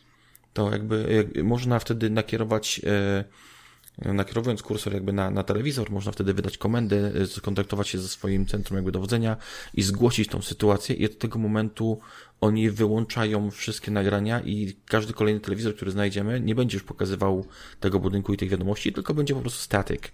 Nie będzie już nic, bo to można było zgłosić, że y, oni psują jakby efekt y, tego zaskoczenia, który miał mieć oddział SWAT i to był taki fajny smaczek, który w zasadzie gra by z tego się obeszła, ale ktoś pomyślał o tym, ktoś to dodał i to bardzo fajnie stworzyło tą całą atmosferę, bo to jest du duża misja, duże wydarzenie, więc oczywiście, że tam będą wiadomości lokalne, że oni będą to, to podawać, że oni będą to relacjonować na żywo.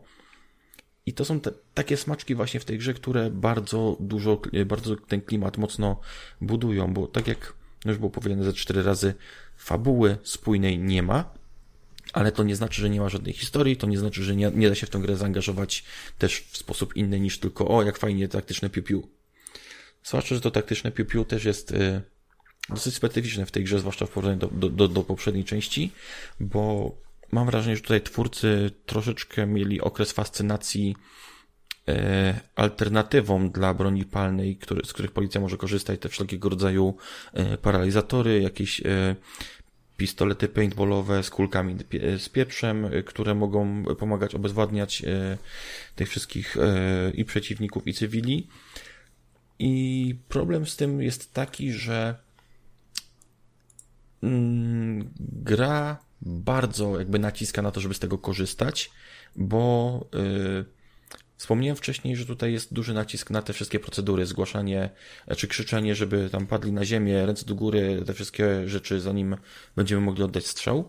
To nas nie obowiązuje, jeżeli korzystamy z tej opcji e, tutaj nazwanej non-lethal, a w praktyce to jest bardziej less lethal, i nie musimy się tym tak bardzo przejmować, więc wtedy można teoretycznie na pałę lecieć przez całą mapę i do każdego strzelać ze strzelby, która strzela woreczkami z fasolą.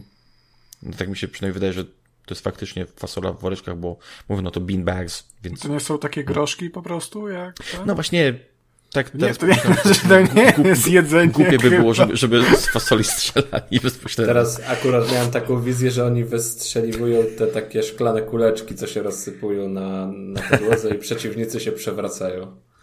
Nie, nie, to bardziej chodziło o to, że to, to ma boleć, ale nie zabijać. Coś jak gumowe kule, y, które tak naprawdę nie są gumowe. Ale tutaj już nie, nie chcę wchodzić w, y, w szczegóły trochę off-topowe. W każdym razie też bardzo fajną rzeczą w tej grze jest to, że poziom trudności nie wpływa na gameplay jako taki. W sensie, czy, czy gramy na najniższym poziomie trudności, czy na średnim, czy na najwyższym, nie wydaje mi się, żeby przeciwnicy reagowali szybciej, żeby zadawali większe obrażenia, żeby byli bystrzejsi. Tutaj, zależnie od poziomu trudności, zwiększają się wymagania, jakie są postawione przed nami. Czyli na przykład, jeżeli na najniższym poziomie tam możemy sobie pozwolić na to, żeby e, nie zgłosić jakiegoś postrzelonego przeciwnika, żeby e, nie zaraportować, że znaleźliśmy broń i to nam jeszcze przejdzie. Na najwyższym poziomie trudności to w zasadzie jakakolwiek sytuacja, w której dojdzie do strzelaniny, już oznacza, że przegraliśmy tą misję, bo SWOT ma ratować życia, tak? Więc tutaj gra też na to naciskała w ten sposób, żeby wszystkich postarać się y, sprowadzić żywych, nawet jeżeli y, oni mogą mieć złe zamiary. To tylko dodam, e, że to jest prezentowane, na końcu każdej misji otrzymujemy ocenę punktową w skali od 0 do 100, więc to nie są e, takie zero-jedynkowe wytyczne, że żeby przejść misję musimy tam zgłosić nie wiem, 20 martwych przeciwników, czy, czy zakadenkować iluś tam, e, tylko mamy jakiś tam możliwość popełnienia błędu, ale gdzie go popełnimy, to już zależy tak naprawdę no, od nas, naszych umiejętności. Byle tylko koniec końców, tam nie wiem, powiedzmy, że tam na normalnym trzeba 60 na 100 punktów uzyskać, żeby przejść dalej. Mhm. E, w ogóle jeszcze jedną rzeczą, która mi się bardzo spodobała wtedy i w sumie podoba nadal, um, taka znowu pierdółka, ale dla mnie ona buduje strasznie klimat. W większości gier, kiedy masz postawione przed sobą zadanie, to masz coś w stylu e, zabij wszystkich przeciwników w tym obszarze, nie wiem, zabezpiecz teren, e, przejmij ładunek, nie wiem, cokolwiek tego typu. A tutaj tak naprawdę dostajesz jeden, jedną wytyczną. Bring order to chaos. Zaprowadź porządek. I to bardzo fajnie też pokazuje, o co w tej grze chodzi. Nie? Tutaj nie masz wpaść i strzelać, nie masz y, zrobić z tego zwykłego FPS-a. Tutaj musisz zaprowadzić porządek, czyli jako policja, przynajmniej teoretycznie, jesteś od tego, żeby ludzi chronić. E, I właśnie też tutaj z takich y, troszeczkę ciekawostek, bo w zasadzie gra stara się być realistyczna, ale ze względu na to, że to jest gra wideo, musi mieć jakieś odstępstwa od realizmu. I jednym z nich, co ciekawe, jest to, że w prawdziwym życiu prawdziwe oddziaływania terrorystyczne w tych sytuacjach, które są przedstawione w grze, praktycznie w każdym przypadku miałyby usprawiedliwione użycie broni palnej, mogliby wpaść i zrobić piu piu bang bang w każdą stronę. i oni owszem by mieli trochę papierków do wypisania, ale by za to nie odpowiadali, bo to by byłoby usprawiedliwione, tak? Mamy sytuację, gdzie ktoś, y, kto, ktoś komuś grozi, gdzie y, są jakieś niebezpieczeństwa, gdzie każda sekunda wahania może teoretycznie doprowadzić do e, jakiegoś nieszczęścia. No a w grze z kolei, no nie możemy sobie na to pozwolić. Jeżeli w grze jakiś przeciwnik będzie udawał, że się poddaje, po czym zacznie uciekać, strzelenie do niego będzie E, karane przez grę. W rzeczywistości taka sytuacja w procedurach policyjnych jest teoretycznie usprawiedliwiona, więc gra tak naprawdę jest nawet trudniejsza, przynajmniej w takim abstrakcyjnym trochę sensie, od y, prawdziwych y, procedur policyjnych. Nie, że te procedury w tej grze są troszeczkę trudniejsze niż są rzeczywiście. No i tutaj możemy też sobie trochę usprawiedliwić, że jednak to jest wirtualna rozgrywka i, roz, i tutaj tak naprawdę niczyje życie nie jest zagrożone, więc można sobie na to pozwolić. No w rzeczywistości to trochę można się kłócić, no ale nie chcę wchodzić za bardzo w takie tematy już, wiecie, dyskusyjne, nie wiem, światopoglądowo-polityczne, bo to też nie, nie, nie po to mówię o, o tej grze. No ja tak mam wrażenie właśnie, że tak z tej policji to tak, tak, tak jakoś tak nie, nie bardzo lubisz. znaczy... Mm nie, nie ja cię tu nie pociągam, nie? To, ale, ale na 100% czy na, na mniej niż 100%? No? na, na, na JP na 90%, bo się trochę boję, tak, taka klasyka, tak. tak. Ja tę grę pamiętam i tylko dlatego ją zgadłem, podejrzewam. E, raz, że powiedziałeś w opisie, że to jest taktyczna strzelanka, a nie znam taktycznych strzelanek, te, tę grę znam. A dwa, dlatego, że e, to, to, były lata, może nie ten 2005, może to nie było jakoś od razu w okolicach premiery, ale to były lata, kiedy mój brat kupił swojego pierwszego laptopa e, i to był w ogóle pierwszy laptop w domu, powiedzmy. I właśnie ten, ten SWAT tam wylądował jakoś tak szybko. Tam coś mi się kojarzy, że na początku miał jakieś trzy, może cztery gry, oczywiście z legalnych źródeł przecież. I właśnie ten SWAT tam był. I też pamiętam, że jak próbowałem w niego grać, to miałem tak na zasadzie, no to wchodzimy, piu, piu, piu, strzelane będzie, zaraz tu, bam, koniec, wygrywamy. No i nie, nie, to tak tam nie działało. Tam się bardzo szybko kończyło, że, że na złe. W ogóle tak, ta gra... Tutaj też... Mhm, proszę. Mhm. E, właśnie ten sam gameplay tutaj też jest taki bardzo nie FPS-owy, bo yy, nawet kiedy nasze, nasza postać biegnie, to tak naprawdę on się porusza nawet nie truchtem. Takim bardziej można by powiedzieć, że to przypomina taki dosyć zdecydowany krok niż bieg. E, do tego każde poruszanie się, nawet najwolniejsze, sprawia, że jesteśmy praktycznie beznadziejnie niecelni. E, każde ruszenie nawet myszką w szybszy sposób, żeby odwrócić się szybciej strzelić do przeciwnika, też powoduje spadek celności, więc ta, ta gra jakby zniechęca do takiej dynamicznej gry i, i, i, i nawet gameplayowo na nią nie pozwala.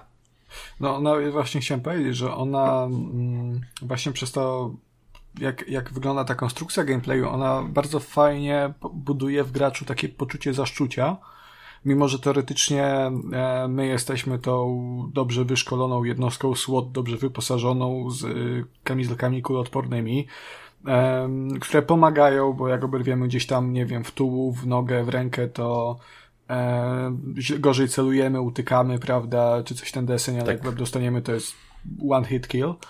Mm, no to właśnie to, że nas jest tylko czterech, bo tu chodzimy z tą swoją ekipą, wydajemy... Pięcioro. Wydajemy, pięcioro, tak, bo są dwa zespoły po dwa, plus my jako dowódca faktycznie. Tak, są A... blue i red. Mhm. Tak, tak, tak. Konrad ma dzisiaj e, problemy z liczeniem po prostu. To no, dzisiaj no, taki jakiś dzień jest, nie? Dobrze, że nu numer odcinka dobrze podałem, prawda? To chociaż tyle. I to przez to, że nie znamy w zasadzie dokładnie, jak wygląda ta mapa, bo e, te mapki, które, o których Kamil wspomniał, że możemy mm, sobie podejrzeć plan budynku na początku, chociaż nie wiem, czy o tym wspomniałeś, czy no mniejsza o to, możemy przed każdą misją. E, no to to też nie jest taka mapa typowo growa, że tam mamy wszystko rozpisane, jak to jest. Mm, w niektórych budynkach na przykład tak, mamy, mamy plany gdzieś tam e, od architektów, prawda, architektoniczne, e, tak to się chyba nazywa, mm, gdzie jest plan budynku po prostu gdzieś tam wyciągnięty, na przykład jak bank to jest, to wtedy mamy dokładne plany, tak. ale mm, jak, jak to jest na, na przykład dom chłopa z drugiej misji, e, no to... To dostajemy tylko na kartce papieru. Tak, te, tak narysowane. Ogólnie nie? rozrysowane, tak, tak. A potem się okazuje, że tam, że tam jest jeszcze tunel, o którym nie wiadomo, już w ogóle nie wiemy, gdzie on nas zaprowadzi no to mm -hmm. idziemy, idziemy w to nieznane, plus to, że nie wiemy ilu przeciwników tam będzie, mamy jakiś tam szacunek, ale może się okazać e, inaczej. Ci przeciwnicy też e, poniekąd są chyba losowo rozstawieni, o ile dobrze tak. pamiętam. Mm, także mimo, znaczy, że... Zwykle są dwie, trzy kombinacje chyba mniej więcej na misję, jeśli dobrze pamiętam, chociaż też mm -hmm. ostatnio ukończyłem grę ze trzy lata temu, ale tak jest, że się powtarzają trochę te ich kombinacje, ale faktycznie nigdy nie jest tak samo z rozgrywki na rozgrywkę. Tak, więc tu trzeba faktycznie grać tak metodycznie, powoli, e, no i też to, że, bo tam są takie różne rzeczy, jak są te kamery, którym, przez które się podgląda sytuację za drzwiami, się wsuwa po prostu pod spód. E, i mamy jakiś tam plus minus, e, możemy sobie ocenić sytuację, ale może być jakiś tam gdzieś winkiel, jakaś tam, nie wiem, szafa taka otwarta, za którą stoi przeciwnik i patrząc, czy to my, czy nasi kompanii, bo to też można zlecić, no nie, nie będziemy widzieli gościa, więc myślimy, że jest trzech chłopów, e, wrzucamy flashbanga e, i tych trzech gdzieś tam e, ogłuszyliśmy, tu krzyczymy, oni, oni przestraszeni, a tu nam czwarty wychodzi z kibla albo z szafy i, no i czapa nagle, nie? No właśnie. Także to jest, to jest mega w tej grze, ten, ten klimat zaszczucia super. Tak, bo teoretycznie właśnie my startujemy z pozycji siły, gdzie my mamy przygotowanie, my mamy lepszy sprzęt, my mamy niby tutaj ten element zaskoczenia w większości przypadków, ale tak czy siak praktycznie zawsze mamy zdecydowany brak przewagi liczebnej, w późniejszych misjach to już jest nawet absurdalne, że przeciwników potrafi być ładze 30 nawet, a nas jest tylko ta piątka. Tam chyba taka e. misja w banku jest, że jest bardzo dużo się dzieje tak. dookoła. Tak, tak właśnie, tak, tak, tak. I tam jest jeszcze też bardzo taki e, nieprzyjazny teren, że jest dużo otwartych przestrzeni, więc no, jak jeszcze mamy te wcześniejsze mapy, że są malutkie pomieszczonka, tak jak w jakimś mieszkaniu czy restauracji, no to tam okej, okay, wrzucasz flashbang, no to on wybucha w pokoju, każdy, kto był w pokoju, będzie jakby pod jego efektem. A tam z kolei nie każdy. większe sale. Właśnie nie znaczy... każdy, bo właśnie to, to SWOT robi, robi też fajnie, że no jak ktoś jest odwrócony plecami, czy A, to tak. jest za jakimś, mówię, e, murkiem, czy jest jakaś kolumna w pomieszczeniu, że jest przerwany ten, ta, ta linia wzroku, no to tego nie, no nic nie zrobi. No ten flashbang tak, też się może po prostu odbić, zwrócić do nas i jest psikus. No to jest prześwietne. Jedna z, jedna z rzeczy, która czasami w grze kulała, to właśnie nasi, yy, nasi towarzysze z zespołu potrafili, przynajmniej w tych wcześniejszych wersjach, nie wiem czy to potem naprawili, yy, rzucić tak bardzo niefortunnie flashbang, że on praktycznie lądował u nas pod nogami. No to nie, to dalej. Każdym... tak to cały czas jest, tak? To Rok temu grałem, tego. no i... To właśnie też już masz przygotowanie, przez cały zespół ustawia się koło drzwi, nie? Z jednej strony, z drugiej strony wszyscy gotowi. Dobra, no to dajesz rozkaz. Dobra, wrzućcie, wrzućcie flashbanga i wpadajcie, nie? No i ląduje ten flashbang tuż pod waszymi nogami i cała akcja zaczyna się od tego, że przeciwnik już wie, że jesteście, a wy nic kurwa nie widzicie. Czyli klasyczny kapitan bomba, taki można powiedzieć. Ale właśnie swoją drogą, e, bo tak prawie o tym nic nie powiedziałem, ale samo to zarządzanie oddziałem też jest bardzo fajne. Do pewnego stopnia e, zachęca do tego, żeby nie robić wszystkiego samodzielnie, tylko też wysyłać tych swoich kolegów do, e, wydawać im konkretne rozkazy, robić e, wydawać im konkretne polecenia. Nie tylko, dobra, to chodźcie za mną jak ktoś zostanie, to go dobijcie, tylko faktycznie otaczanie pomieszczeń, jeden zespół do jednych drzwi, drugi do drugich, jeszcze najlepiej do trzeciego, wy kamerką, ty wrzucać, ty wrzucasz flashbanga, ty wrzucasz y, ten granat z gazem łzawiącym i wpadamy, wpadamy, wpadamy, no gotowe, jeszcze był, jest podgląd, opcja podglądu z tych kamerek na mundurach ich nich, czasami w niektórych misjach mamy dostęp do snajperów przy oknach. Fun fact, który E, mnie zawsze zaskakuje. E, jeżeli mamy misję ze snajperem i snajper widzi przeciwnika w oknie, nie musi mieć powodu, możesz do niego strzelić, gracie za to nie ukaże. Więc to jest najbardziej FPS-owe w całym słocie. Do siebie też można strzelić chyba. Tak, siebie też można postrzelić. Zresztą y, gra Friendly Dla niepoznaki, tak? To żeby odwrócić uwagę. Tak, gra też zresztą potrafi zrobić właśnie w taki, taki psikut, że jeżeli trafisz przypadkiem swojego towarzysza raz czy drugi, to on zaprotestuje, rzuci komentarzem, że wiesz, Friendly Fire to swoi, ale Jak to brzmi, uparty, zaprotestuje. ale jeżeli Obrazi się, nie no, uparty i wpakujesz tę czwartą kulkę koledzy w plecy, to nagle cały oddział się odwraca do ciebie i no oni cię sprowadzą do parteru, nie? Bo, bo stanowisz dla nich zagrożenie teraz wyraźne. Nie ma tak jak na przykład w Call of Duty, gdzie przypadkiem postrzelisz towarzysza i friendly fire will not be tolerated, koniec misji. Tylko tutaj jakby no twoi właśnie, właśnie, właśnie, właśnie kole... Jezus, nie umiem mówić dzisiaj. Twoi koledzy e, się z tobą rozprawią.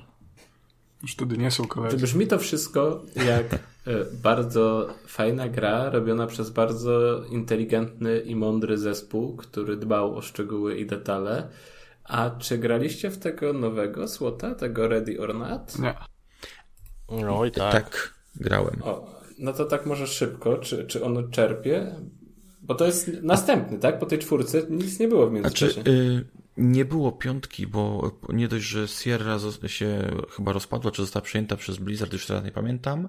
E, Irrational Games zajął się trochę innymi projektami i SWOT ogólnie należy do serii Police Quest, więc tam pewnie są jakieś też kwestie licencyjne. Piątka nigdy nie powstała. E, a Ready or Not tak naprawdę w sobie to jest taki duchowy spadkowiec, to jest taki SWOT 5, tylko e, to chyba zupełnie inna ekipa z tego, co kojarzy robi, ale można powiedzieć w zasadzie, że przynajmniej jeśli to nie jest SWOT 5, to jest na pewno bardzo mocno tym inspirowany, bo i, i, i właśnie rozkazy drużynie się wydaje w podobny sposób. Też jest taki duży nacisk na planowanie i na, na, na, to, na to właśnie taktyczne podejście. Tam też nie można biegać i strzelać na lewo i prawo. Niestety jeszcze nie mam tylu godzin w Ready or Not, co bym chciał, bo niestety różne obowiązki i brak czasu trochę przeszkadza. Ale no teraz to... muszę zapytać, ile masz, ile masz? Nie, mam dopiero, dopiero, nawet nie 20, tak z kilkanaście godzin może maksymalnie, więc to tak naprawdę grę dopiero co nie znałem. Ja, wiecie co, ja pograłem w niego tak szczerze mówiąc chyba trochę więcej yy, i uważam, że najlepiej z aktualnych, bo myślę, że mam większość aktualnych tam, gdzieś tam tych tactical ogranych, bo i w Ground Brancha mam dużo godzin, Black One, z tych, e, z tych trochę i mniej znanych i więcej. Wydaje mi się, że to jest taki największy teraz spadkobierca tej czwórki, że jak nawet w niego tak grając, mam wrażenie, że to jest jakby po prostu kontynuacja i, i, i też tak jakby chwaląc tego słota czwórkę, mam wrażenie, że tam nie ma przesadnie dużo dodane, bo do tego słota czwórkę aż ciężko jest dodać dużo. Może tam, yy, mam wrażenie, że momentami jest to pójście, no, to może kontrowersja złosowa, ale jest taka misja, misja w klubie, gdzie jest góra trupów, mhm. i jest na wejściu i widać, nie, że to ma zrobić wrażenie i może w tym kierunku, ale mam wrażenie jasne, mechanika i technologia się zmieniły przez te lata, ale i tak grając cały czas, no jeżeli grałeś tego Słota czwórkę, myślisz, kurczę, to jest fenomenalne rozwinięcie i chyba bardziej w tym kierunku. Nawet, nawet ten Słot czwórka to jest taki znak jakości, że no, pododajesz trochę, trochę pozmieniasz, ale też nie, nie jesteś nawet w stanie przesadnie mocno tego zrobić.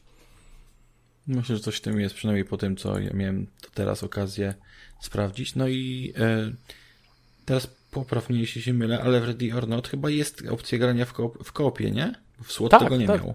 Tak, wydaje, wiesz co, nie grałem w koop. Tak, bo nawet, jak nawet... SWOT miał multiplayer, ale nie miał koopa.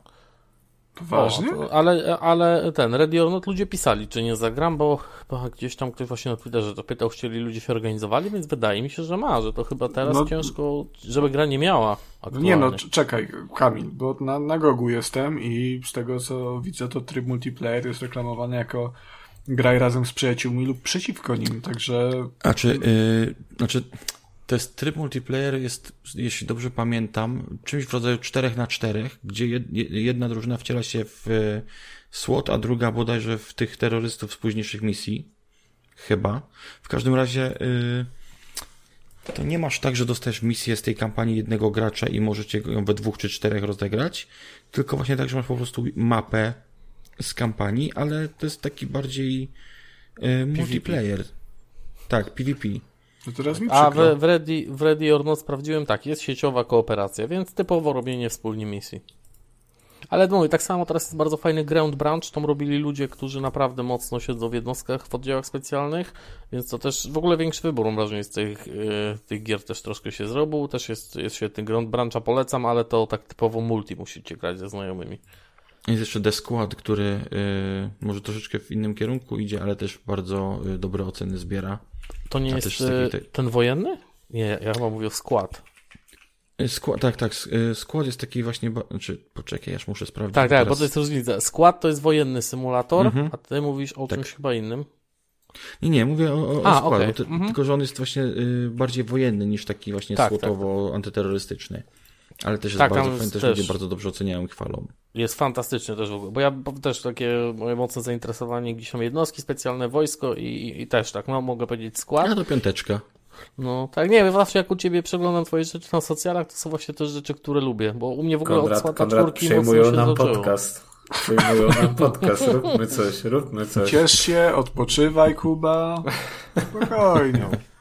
Nie, to jest, e, tak szczerze mówiąc, bo wydaje mi się też, że tak mi się przeszło do głowy, że SWAT czwórka, nie wiem, czy też nie była taka popularność w ogóle tego tematu, bo chyba w tamtych latach też wyszedł taki e, film z, z Farelem tak, wtedy, SWAT tak, to był i to był, były chyba podobne był. czasy. I wydaje mi się, że to miał. tak bardzo, tak, tak. I w ogóle kojarzy mi się, że to był mniej więcej podobny czas, więc to jakby w popkulturze ten e, SWOT, jednostki specjalne, to wtedy było, w ogóle to było lata takiego kina akcji, ale też ten film, e, ta gra mocno podkręciły zainteresowanie tą tematyką. Ten film wyszedł w 2003. To był, mówisz ten z Jacksonem i Farrellem, nie? Tak, mhm. To to swoją drogą jest film, do, do, którego miałem ogromne nadzieje i początek tego filmu, pierwsza połowa mi się strasznie podobały, bo właśnie było pokazane, że oni się tam szkolą i wchodzą w tych killhouse'ach i, i tam ogólnie e, dużo tych, tego treningu i jakby pokazanie, że to wcale nie jest takie łatwe, jak się wydaje nawet dla ludzi z dużym doświadczeniem. A druga połowa filmu też było takie bardziej, taki akcyjniak po prostu, nie? I mhm. ten początek mi zbudował ogromne nadzieje, końcówka trochę zawiodła, ale ostatecznie to jest i tak bardzo fajny film. Ja wtedy 10 lat miałem, jak go oglądałem, więc mi się bardzo podobał pod każdym względem. Ale e, ja go też właśnie obejrzałem na fali Słota Czwórki. Bo też no. jakoś w, tej, w, w okolicach, to był chyba właśnie 2006-2007, e, gdzieś ten Słot 4 wylądował w ekstra klasyce, także on był za dwie dychy do wyrywania. Mm, no i to żeśmy z kolegą kupili, potem było grane, prawda? I, i, też ten film potem oglądałem i był fajny. I tu kurde, ja zapomniałem, że on miał taką fajną obsadę swoją drogą, bo tu L. Jackson to, to było mówione, e, Farrell też, no ale tu grała e, Michelle Rodriguez. Mm, ten grał Hawkeye na przykład. Naprawdę? No. I mi tak chyba mi się wydaje. Tak, Rodriguez, Jeremy... ja tego filmu nie pamiętam. Jeremy Renner. O żeż. Chyba muszę obejrzeć jeszcze raz. No też tak myślę, że chyba No to wchodźcie na to YouTube Watch Together. Lecimy. A czym jest do obejrzenia gdziekolwiek w ogóle? Ale no, czemu ja nie pamiętam, że tam była Michelle Rodriguez? To jest 2003 rok. Ja, w, ja będąc nastolatkiem miałem ogromnego crasha na tą aktorkę. A nie pamiętam, że ona w tym filmie grała. Ty, na Netflixie jest. Żartujesz. No poważnie, jakby napij się to Co, to musi, musisz kończyć, tak? No to, to, to, to, to, to yy, wiesz, mam, mam problemy z połączeniem, przepraszam, coś...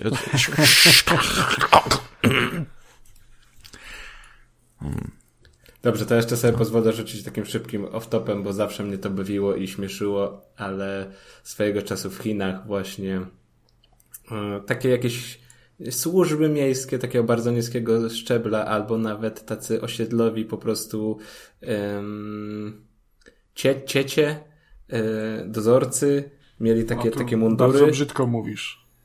Tak? To tak nie można mówić? No. No nie, no nie, nie wypada, no myślę, no nie to, w tych to, czasach. To dozorcy, dozorcy, no dobrze, przepraszam w takim razie. E, takie, że uniformy im po prostu często dawano, żeby się odróżniali od reszty mieszkańców społeczeństwa i tam często było właśnie na plecach dużymi literami napisane SWOT. SWOT. I zawsze, zawsze mnie to bawiło, bo, bo tak, tak, odpowiednio osoby na odpowiednim miejscu. Może ty byłeś na celowniku, po prostu nie wiedziałeś. To może mieć też jakieś inne znaczenie po prostu w Chinach, ale okej. Okay. To jak piersi yy, specjalsi. Tak, no, pewnie umiejętnościami. Bo tak wszystko się rozpoczęło z y, olimpiady, z masakry w Monachium, gdzie tak naprawdę wtedy wyciągnięto wnioski, że trzeba zacząć tworzyć takie jednostki. To, to jeszcze umiejętnościami pewnie podobno do tych policjantów, którzy tam pracowali podczas tej operacji. Jedni sprzątają nie, korytarze, drudzy sprzątają bandytów, no i gitara, no wszystko się zgadza, kurwa. Nie, nie, w ogóle w tej operacji pierwszej, jak się niedawno podcast sobie właśnie słuchałem, to tak naprawdę jeden e, stał snajperem, jeden z policjantów, dlatego, że najwięcej strzela, bo chyba na polowania jeździł, więc jakby nie było wtedy jednostek typowo antyterrorystycznych, więc no dano broń e, policjantowi, który po prostu więcej postrzelał, a nie miał umiejętności, więc e, tam doszło naprawdę do dantejskich scen, no i właśnie potem, potem powstały służby specjalne, tego typu, te oddziały, no i też dostaliśmy właśnie masę, masę fajnej, no mimo wszystko wywiązanego, co wywiązało się z dosyć ciężkiego tematu, ale no popkulturowo te wszystkie oddziały, czy to policyjne, czy to wojskowe, no bardzo mocno istnieją, tak jak mówimy, gry, filmy, książki, no jest tego naprawdę dużo. Tak, nawet, nawet e, tworzą fikcyjne e, oddziały specjalne, byleby tylko nie musieć e, pilnować realizmu, a mieć oddziały specjalne. Tak, chociażby jakiś, nie wiem, FIR też przecież był oddziałem specjalnym, tylko do zadań a, tych mm paranormalnych. A swoją drogą, jak masz jakieś podcasty w tematyce, to może mógłbyś mi gdzieś podrzucić, e, jakbyś był tak uprzejmy. Tak. Ja, wiesz co, podcastów, to był chyba tylko historyczny, to było a propos masakry w Monachium, ale no, na pewno, jeżeli już to, wiadomo, książki Nawala są całkiem spoko, mm-hmm, e, to raczej każdy zna. Moją ulubioną w ogóle w tej tematyce, ale to jest dalej gromowe, moje 13 lat jednostce wojskowej Grom Andrzeja Kisielewskiego. Fantastyczna książka. Mam nawet ogóle... z autografem. A, no ja ten, pana Kisielskiego też tam poznałem, fantastyczny, ale książka jest fenomenalna. Też jeżeli ktoś ma ochotę, to, to myślę też możesz polecić, bo, bo świetnie się czyta. Jest bardzo dobry to też prawda. audiobook. Tak, audiobook też jest bardzo dobrej jakości. Właśnie y, dostałem książkę kiedyś po, e, na airsoftowym szkoleniu, gdzie właśnie między innymi y, Kisiel prowadził szkolenie. No. Taki mały moment fa- Ale to, wiesz, to też musisz, y, musiałbyś po prostu interesować się, jak to, jak to powiedziałeś ładnie na wstępie, y, zabijaniem i mordowaniem takim wirtualnym przynajmniej. Ale nie, ale ja tylko w prawdziwym życiu, wiesz, to tam gierki dla dzieci. Mi jeszcze, mi jeszcze nic nie udowodniono, więc... Dobrze. Um, coś jeszcze chcesz dodać o SWOT 4? Nie, myślę, że już temat wyczerpałem. To już trochę i tak trochę czasu zeszło, więcej niż się spodziewałem. Więc. A to spokojnie, no tak. nie będziemy za to dodatkowo liczyć. Nie, to się nie przejmuj. Dlatego na samym początku powiedziałem, że tak 15 minut na grę to jest, to jest taki plan, nie? 15 minut na grę, więc za dwie godziny potrwa odcinek. No zresztą pierwszy odcinek Trójkastu Retro, jak żeśmy planowali, to właśnie było to tak godzinka czasu, no i dwie i pół godziny wyszło, także no to jest, to jest hmm. taki vibe tutaj. E, dobrze, to może, bo tutaj się zbliża 21.37, także tutaj sobie jakieś no to uhonorować, także może teraz e, przejdziemy do gry Kuby w takim razie, który bardzo krzyczał, że on ma numerek trzeci, więc e, no Kubusiu. E, no to tutaj 2137, prawda? E, JP2 to tutaj JS2, Jakub Smolak, e, nie wiem, no pierwszy, ale, ale trzeci, JS3. Super, do, do, doborowy żart mi wyszedł, nie ma co. E, dobrze, to w takim Że razie... ty, Konrad, dzisiaj jesteś trzeźwy, czekaj, bo. No właśnie, może za mało drinku, bo mnie tak wciągnęła dyskusja. E, więc tak.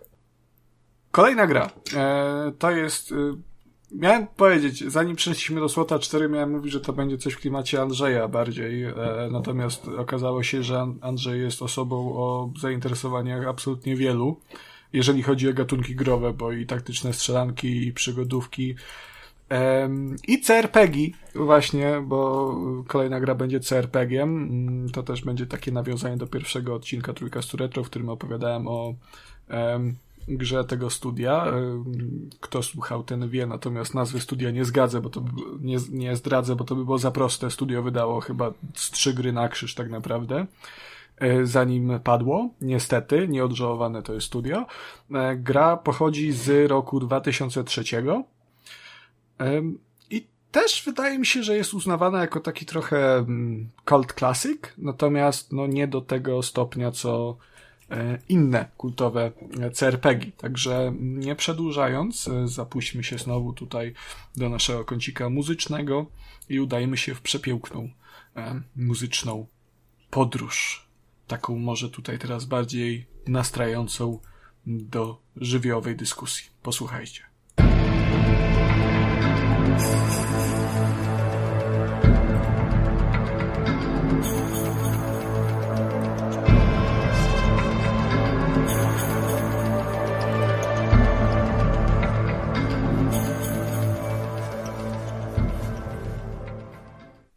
Ja znam tą muzykę. Ja absolutnie nie ten tytuł. Ja bym po nazwie mógł nie, wie, nie wiem z jakiej to jest gry. Nie pamiętam, nie potrafię tego nazwać w tym momencie, ale jestem pewny, że znam tą muzykę. Ona jest taka bardzo, bardzo CRPGowa. Ja mogę strzelić po tym, co słyszałem. Dajesz. Co opowiadałeś, bo muzyka, nie wiem, strzelę Lionheart. A i przegrał pan, nie, przykro mi bardzo. Ale, ale jest to, jesteś bardzo, bardzo blisko, bo te gry tak, e, przynajmniej dla mnie, one tak szły web w web, bo one odstawały. A, już te... wiem, dobra. No, no, proszę. Ale ostatnio na Twitterze. Dobra, wiem. A, te... A dobra. No proszę, no to już, już zgaduj, zgaduj, drogo. Mogę? Tak, jak najbardziej. Świątynia pierwotnego zła. Zgadza się, zgadza się. Porozmawiamy Aha, no teraz właśnie. sobie o świątyni pierwotnego zła. I to jest gra, którą ja zawsze miałem gdzieś w swojej pamięci, a to dlatego, że mam w głowie wyryte, że widziałem tę grę w telewizji. Był jakiś program, nie wiem, to musiało być na jakiejś takiej stacji popularnej, TVN, Polsa. Ty, Konrad, znasz te wszystkie programy, które mogły w tamtych latach, latach lecieć. E, tam też był w jednym z tych odcinków był Lionheart właśnie. Co tam wtedy leciało, Konrad? A Lionheart to było straszne. Tak tylko dodam. Ej, ja muszę wrócić mnie... do tej gry.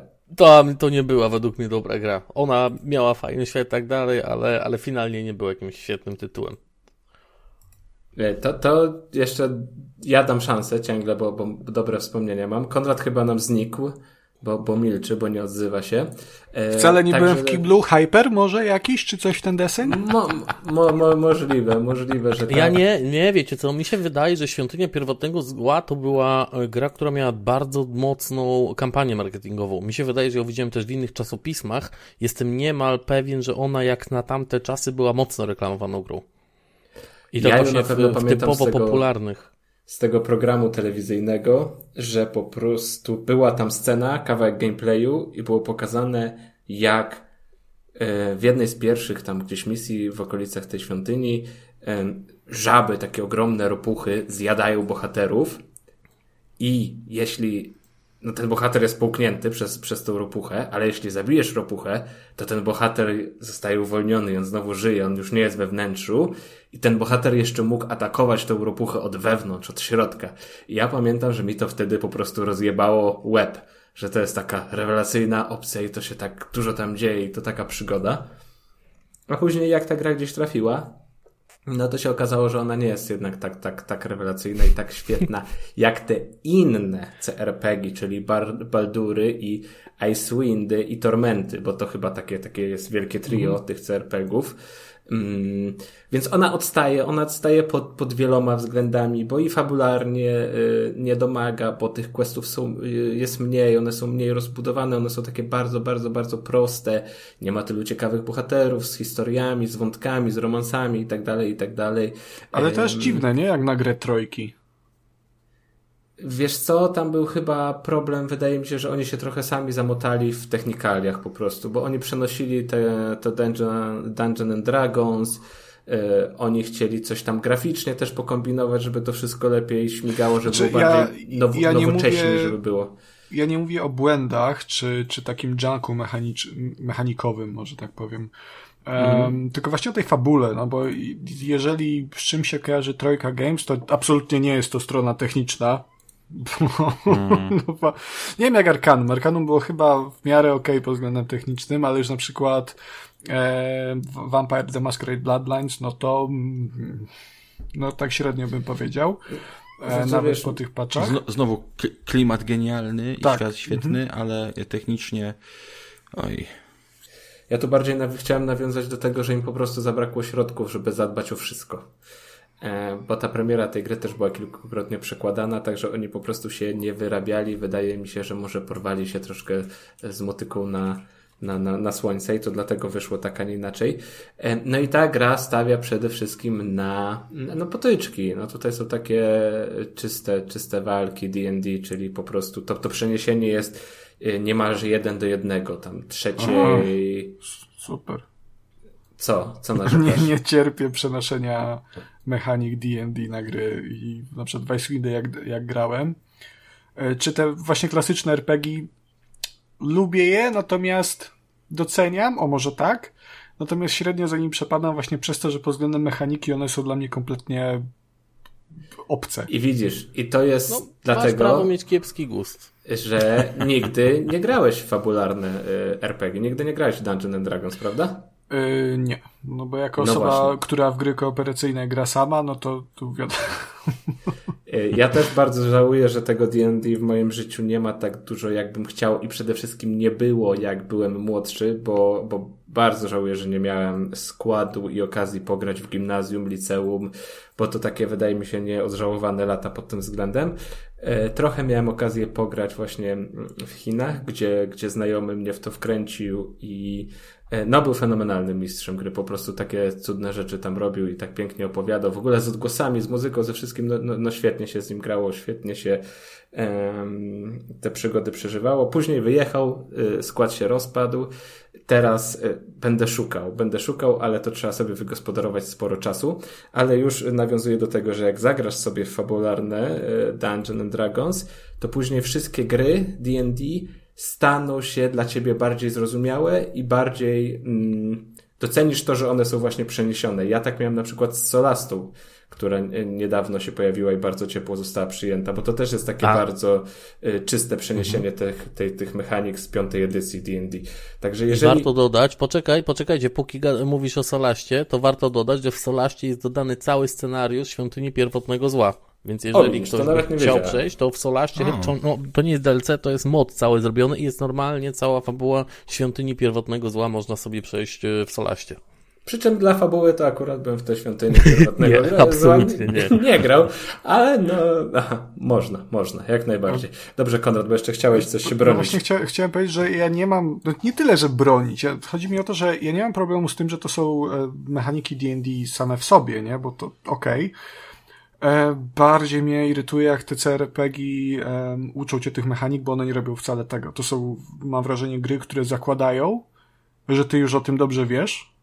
Tak, tak, tak. Ja też o tym ci mówię, że jak zagrasz w mhm. realnego, nauczysz się zasad e, takiego no, fizycznego D&D, to wtedy zrozumiesz, te gry będą to dużo łatwiejsze bardzo, i bardziej przyswajalne.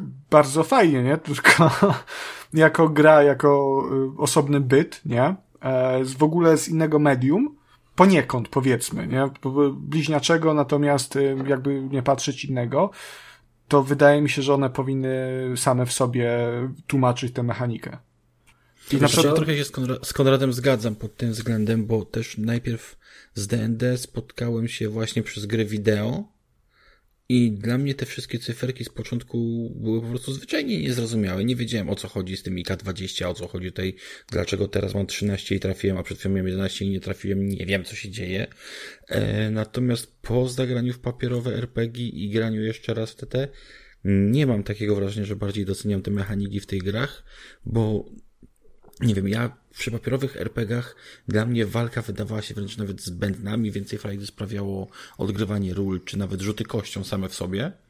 I ekscytacja z wyniku nawet głupiej dwudziestki, jeżeli chodziło o zawiązanie buta, a w grze te komputerowe jakoś tak, no, nie odczuwam tej ekscytacji ani rzutami, ani tymi mechanikami, więc trochę Konrada jestem w stanie zrozumieć. Też w papierowym RPG mimo wszystko w trakcie walki chyba bardziej się personalnie do tego podchodzimy, nie? Bo my się wcielamy w postać jako gracz, natomiast no, w takim komputerowym CRPG-u to jest raczej na zasadzie kurwa, czemu giniesz? Czemu giniesz?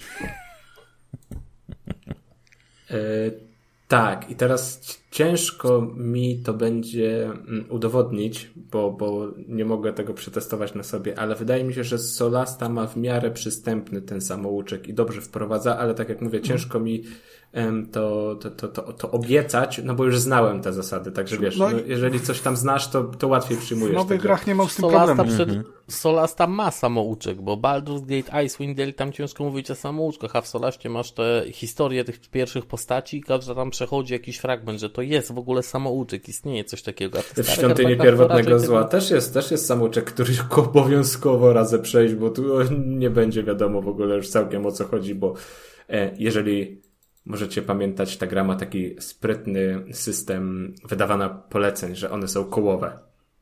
Mm. -hmm. To jest takie tak. bardzo charakterystyczne dla tej świątyni, że po prostu wyświetla nam się kółeczko, kółeczko ma swoje podstrony, te podstrony mają podstrony i tego się naprawdę robi na, na, mm, na ekranie sporo. I ja tak teraz gram I tak naprawdę to nie ma potrzeby, żeby to było, bo część z tych opcji jest tak dla mnie całkowicie bezużyteczna, nie potrzebuję ich. Ten taki baldurowy, Icewindowy interfejs, on się sprawdza, on był wystarczający w zupełności. Tutaj otwieram gdzieś zakładkę z atakami, tych ataków mam pięć, takich fizycznych po prostu mieczem, przy czym i tak zawsze używam takiego podstawowego, bo, bo mam największą szansę, że trafię. Nie wiem, może ja też źle gram, jak taki nowicjusz i tak dalej, ale na razie jestem sobie tam na, na trzecim y, poziomie tej świątyni, ona ma łącznie cztery, więc, więc jakoś mi tam idzie. Wygrywam. Oczywiście y, quick save, quick load jest na porządku dziennym, to obowiązkowo co chwilę, y, przed każdym odpoczynkiem zresztą, bo, bo łatwo nie jest, ale, ale jakoś tam daje radę, daje radę do przodu. Mm. No i tak jak mówiłem, tutaj są przede wszystkim walki, walka za walką, walka z żywiołakami, walki z y, nieumarłymi, walki z trollami, walki z bugberami, one się chyba nazywają, no te, te, te, e, tych potworów jest od, gry, od groma, to jest taka typowo e, mieszanka D&D.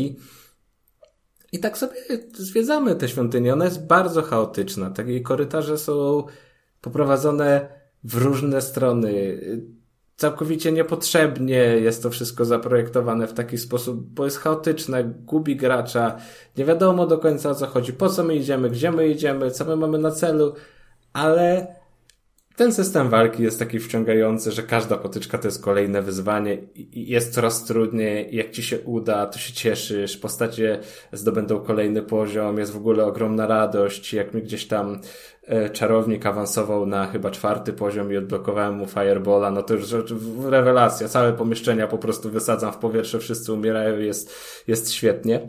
E, a też ta drużyna, którą możemy sterować jest, jest spora jak na te gry, bo tworzymy sobie w kreatorze pięć postaci, e, według tam tego, jak chcemy poprowadzić drużynę, czyli na ogół to będzie tam kleryk, wojownik, jakiś łotrzyk, prawda, ktoś, kto rzuca zaklęcia, mag, czarodziej, E, I następne trzy postacie możemy sobie dobrać z NPC-ów, e, których spotkamy w trakcie gry, także łącznie ta drużyna może być ośmio, ośmioosobowa. To już jest kim zarządzać. Ale generalnie z tego, co tak sobie czytałem w poradnikach, nie poleca się, bo wtedy to doświadczenie, które zdobywamy po drodze jest rozdzielane na wszystkich bohaterów e, i gdzieś go tam zaczyna pomału, pomału brakować z czasem. Dlatego ja sobie gram szóstką i, i wydaje mi się, że na ten moment to będzie okej. Okay. Brakuje mi, że nie ma w, tej w tej świątyni takich typowo fabularnych zagwostek, które by cię gdzieś tak, tak wbiły e, w fotel, że, że udało ci się rozwiązać, że to było coś oryginalnego, coś super zaprojektowanego. W Baldurze było tego całkiem sporo, że nawet z jakiegoś takiego pobocznego questa, jak rozwiązałeś zagadkę, to, to miałeś sporo frajda. To jeszcze okraszone wszystko super dialogami i tak dalej. Na świątyni tego niestety nie ma. No wydaje mi się, że ta świątynia to jest taka gra, że jak ktoś skończył Baldura, ktoś skończył Tormenta, ktoś skończył Icewindy, przeszedł się po tych wszystkich współczesnych CRPG-ach, Pilarsach i um, Divinity, to, to wtedy dopiero może sięgać po tą świątynię pierwotnego zła, a to też tak trochę, trochę, trochę z e, przymusu. Generalnie polecam bardziej mm, jako ciekawostkę, jako takie retro wyzwanie, a nie jako sam, sam, sam, sam klasyk. Także szczerze przyznam, że te moje uczucia względem tej gry są takie dość mieszane, ale zawsze miałem ją gdzieś tam z tyłu głowy, bo też to jest taki nieskończony projekt, nieskończona gra z dzieciństwa, z którą wtedy sobie nie radziłem. Byłem za, za malutki, za głupiutki. E, teraz wcale nie jest lepiej chyba, ale staram się przynajmniej. Przynajmniej są poradniki i, i widełka na YouTubie, także jest lepiej. To się, wtedy się nie liczy przejście z poradnikiem.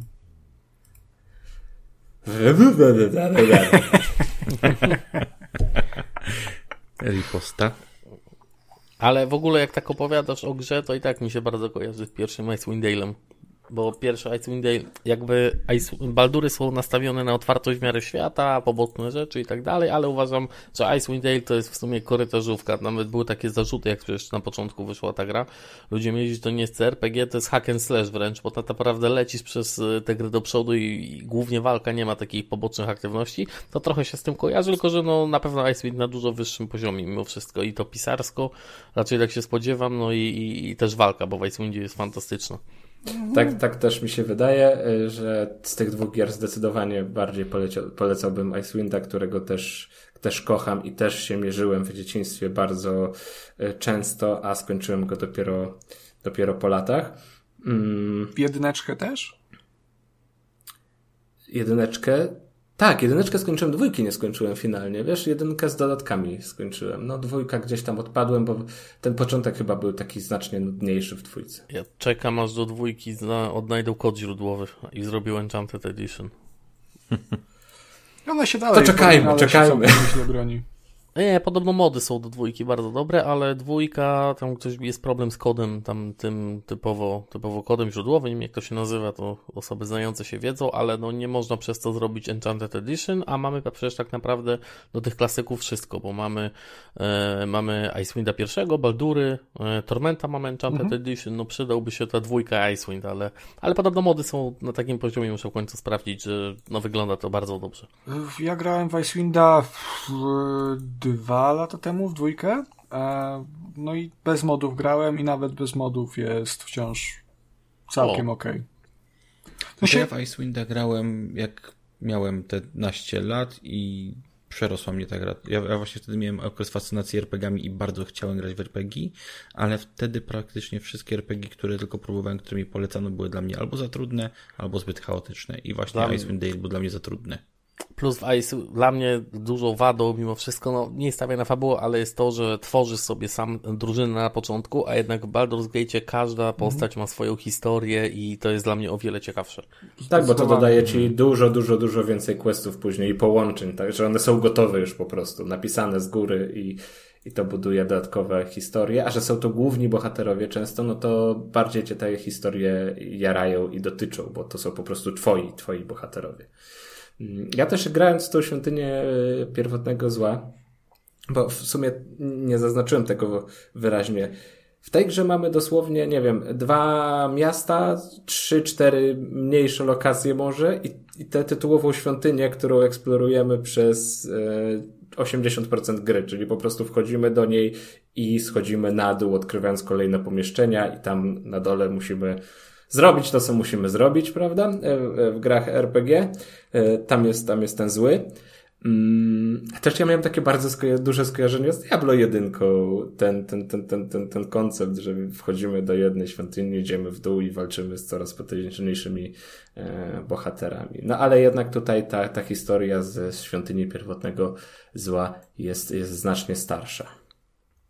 Jest Piotr Franceski, prawda? Wiesz co, ta współczesna wersja, która jest, na, y, która jest na Gogu, ona nie ma polskiego dubbingu. Tam jest tylko angielski, o, nawet nie ma polskich napisów. Tak. A chyba było napisane nawet na pudełku, bo ja pamiętam właśnie Świątynia Pierwotnego Zła, że jest dubbing Piotra Franceskiego. To chyba pamiętam, jestem, jestem praktycznie pewien, plus była fantastyczna okładka. Bardzo mi się podobała okładka do pudełka tej gry. Ona była właśnie te, też chwalona za ten dubbing. No teraz niestety, niestety tego tego nie ma, no to pewnie spolszczenie da się znaleźć gdzieś, jak się pokombinuje e, i zainstaluje, gdzieś dociągnie, także jest to możliwe, ale taka wersja czysto, czysto gogowa jest niestety w e, języku angielskim. Także trochę szkoda. Znalazłem informację z, 2003, z 2003 roku, że Frączewski i Ferency między innymi e, właśnie podkładali głosy w e, dubbingu do Świątyni Wierzotnego Zła. to chyba było właśnie ostatnia z tych klasycznych gier z takim, tak mi się wydaje, z takim dubbingiem, że to, to chyba był schyłek, coś takiego. Ale no pamiętam, że po tej Świątyni Pierwotnego Zła już tego typu tych klasyków nie było, chyba Dragon Age potem miał trochę e, taki swój okres, ale chyba po Świątyni już tak Chyba na tym to troszkę siadło, tak mi się wydaje, ale to tak teraz z głowy. No potem wszystko poszło bardziej w akcję, nie? I w trójwymiar mm. mimo wszystko. A jeszcze bym chciał dorzucić, że ta gra była po premierze, ona takie mieszane recenzje yy, zbierała i też dostawały się po łbie za błędy i bugi. Podejrzewam, że Część z nich gdzieś tam naprawili z kolejnymi aktualizacjami po latach i teraz nie jest aż tak tragicznie. Zdarzają się momenty, gdzie tam teksturki się, się zatną albo coś się nie wydarzy tak, jak się powinno wydarzyć, gdzieś tam postacie się zagubią w korytarzach albo nie będą szły tam, gdzie chcemy, ale to nie jest jakieś takie bardzo uciążliwe, że, że coś, nie wiem, że, że gry przez to nie skończymy, że savey nam się wywalą, że gra wysypuje do pulpitu, to, to aż tak źle nie jest. Działa stabilnie, bym powiedział. A to jest długa gra? Bo ja kojarzę, że to jest na podstawie tego Temple of Elemental Evil z 85 e, roku I tak mi coś świta, że to chyba nie była przesadnie długa przygoda. 30-40, tak jest, tak jest celowane. A, mm. okej, okay, czyli jednak dłuższe niż mi się wydawało, niż się spodziewałem, okej. Okay. Tak, ja już ci powiem, ile obecnie na liczniku... No, na, powiem wam, że na How Long to Beat main story to jest 40 godzin prawie. Tak, ja mam na liczniku obecnie ponad 20 i tak jak mówiłem, jestem, jestem na trzecim poziomie tej świątyni, no z tego co sprawdzałem są, są cztery. Jak burza idziesz. No, ale muszę przyznać szczerze, że czas idzie mi zdecydowanie szybciej i przyjemniej spędzam przy tej grze niż przy Gotiku którego po 20 godzinach już miałem po prostu tak dość, Gotiku trójce, e, tak dość, że, że grałem i płakałem i chciałem dobrnąć do końca, no ale to o tym opowiadałem w 41 e, chyba odcinku regularnego trójkastu, także tam można sobie wrócić i posłuchać o, o wrażeniach. Czy są jeszcze jakieś pytanka? Ja mogę ciekawostkę sprzedać, o którą nie grałem. To była też kontrowersyjna gra w momencie premiery. A, już wiem o co, a, wiem. Tak, y, sw swoją drogą jeszcze tylko zaznaczę, że Kuba mówił o mieszanym odbiorze, ona na Metacriticu ma 71 i na Game Ranking 71%, więc e, na dzisiejsze standardy to jest gra w to zasadzie tragedia. niegrywalna. E, tak, 7 na 10 to jest dramat. Tak, ona się też nie sprzedała jakoś chyba dobrze. To 128 tysięcy kopii z tego co widzę się sprzedało. To jest dalej lepiej niż Vampir, ale mm, no dupy nie urwało chyba. W każdym razie, kontrowersja. W sumie, jak o tym czytam, to mam wrażenie, że się, nic się nie zmieniło przez ostatnie 20 lat, e, ponieważ e, gracze oburzyli się o to, że w, jest opcja w świątyni pierwotnego e, zła, żeby chłop z chłopem ślub wziął. No kurwa, kto to, kto to widział? LGBT, cholerne. I tak, no i właśnie się oburzyli, deweloperzy i wydawca nie widział z tym problemu, z tego co widzę, natomiast E, oburzyli się gracze, którzy uważali, że geje w grach nie powinni e, być, nie powinni istnieć w grach wideo. I też ciekawostka, e, Bertram, czyli, czyli ta postać tego tutaj niechcianego pirata, przez pirata. graczy geja. On jest takim... No, on taki, jest piratem, spotkałem. Tak, tak, tak, takiego gejrata można powiedzieć, haha. Został wybrany... Jezu, jakie to było złe. E, został okrzyknięty szóstą e, z dwudziestu najbardziej gejowskich e, postaci w grach wideo przez serwis gaygamer.net. A sprawdzałeś, czy serwis gaygamer.net jeszcze istnieje? Trochę się boję, ale dobra. Zobaczmy. YouTube Watch Together, no.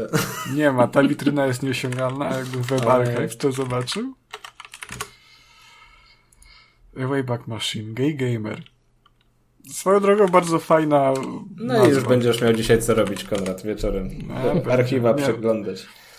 Z 2016 są ostatnie y, jakieś. Ostatnie rankingi.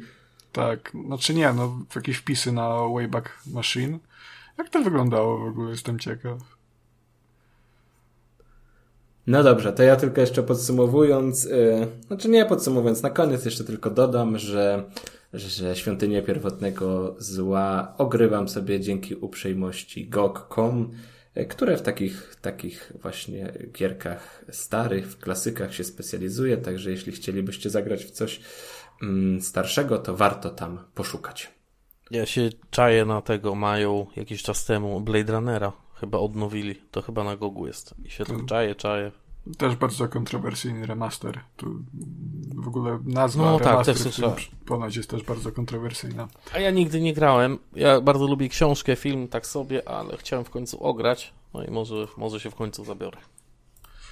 E, sprawdziłem sobie ten serwis gaygamer.net. E, wygląda jak zwykła strona, nic, nic w ogóle nie, nie ten. Natomiast bardzo mi się podoba, że e, w logo jest taki chłop z lat 50. z joystickiem w ręku, także to można, nie wiem, ktoś może tu widzieć hmm. dwuznaczność jakąś mm -hmm. czy mhm. coś.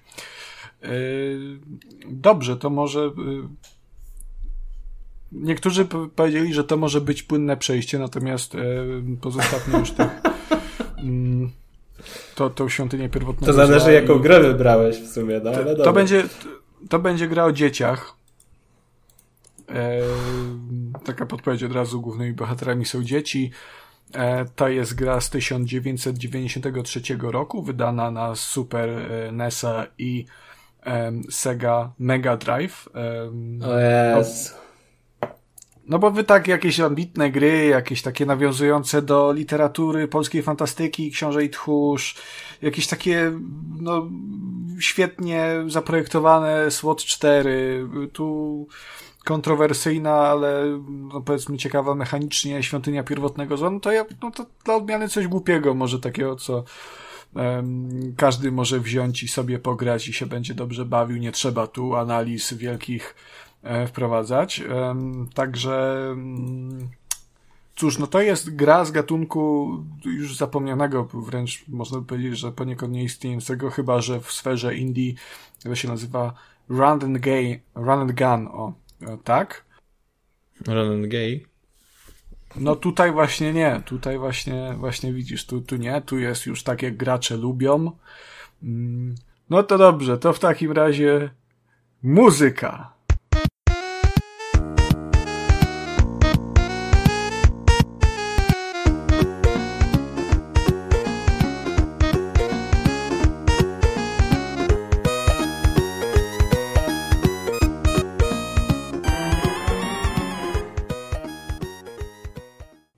No i tutaj już bicik 8-bitowy, taki no 16-bitowy, bo to SNES jest bardzo fajnie.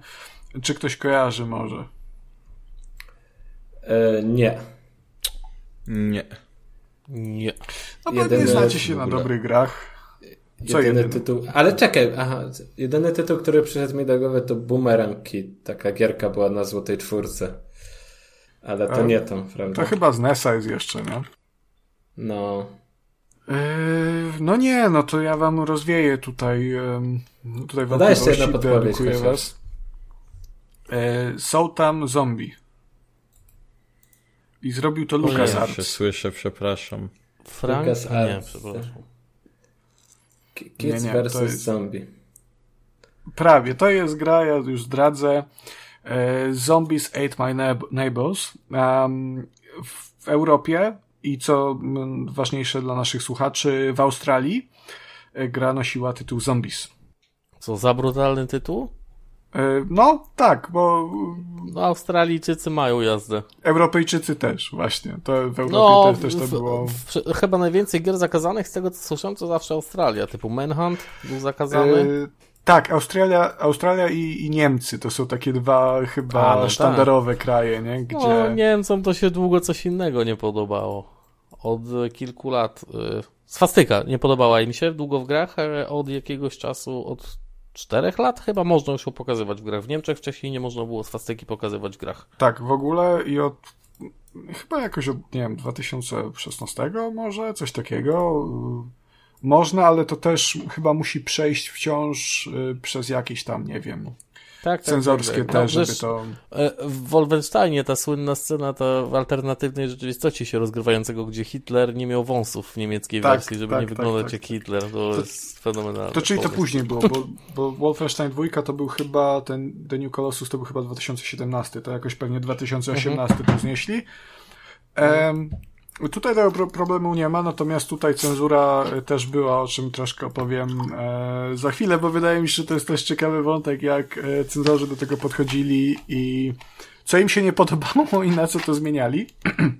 Ja tylko jestem ten, jest takie prawo istnieje, nie pamiętam jak się nazywa, to jest ciekawe, jest takie prawo istniejące jakoś tam o dyskusji prawdopodobieństwa, że każda rozmowa e, w pewnym momencie, przy pewnej ilości trwania zawsze dojdzie do Hitlera. I tak jakby zawsze mnie to zaskakuje, jak często to ma e, gdzieś tam w rzeczywistości przełożenie, bo jakoś nie wiem kiedy, ale się udało. W Trójkaście to jest prostu... pierwszy raz?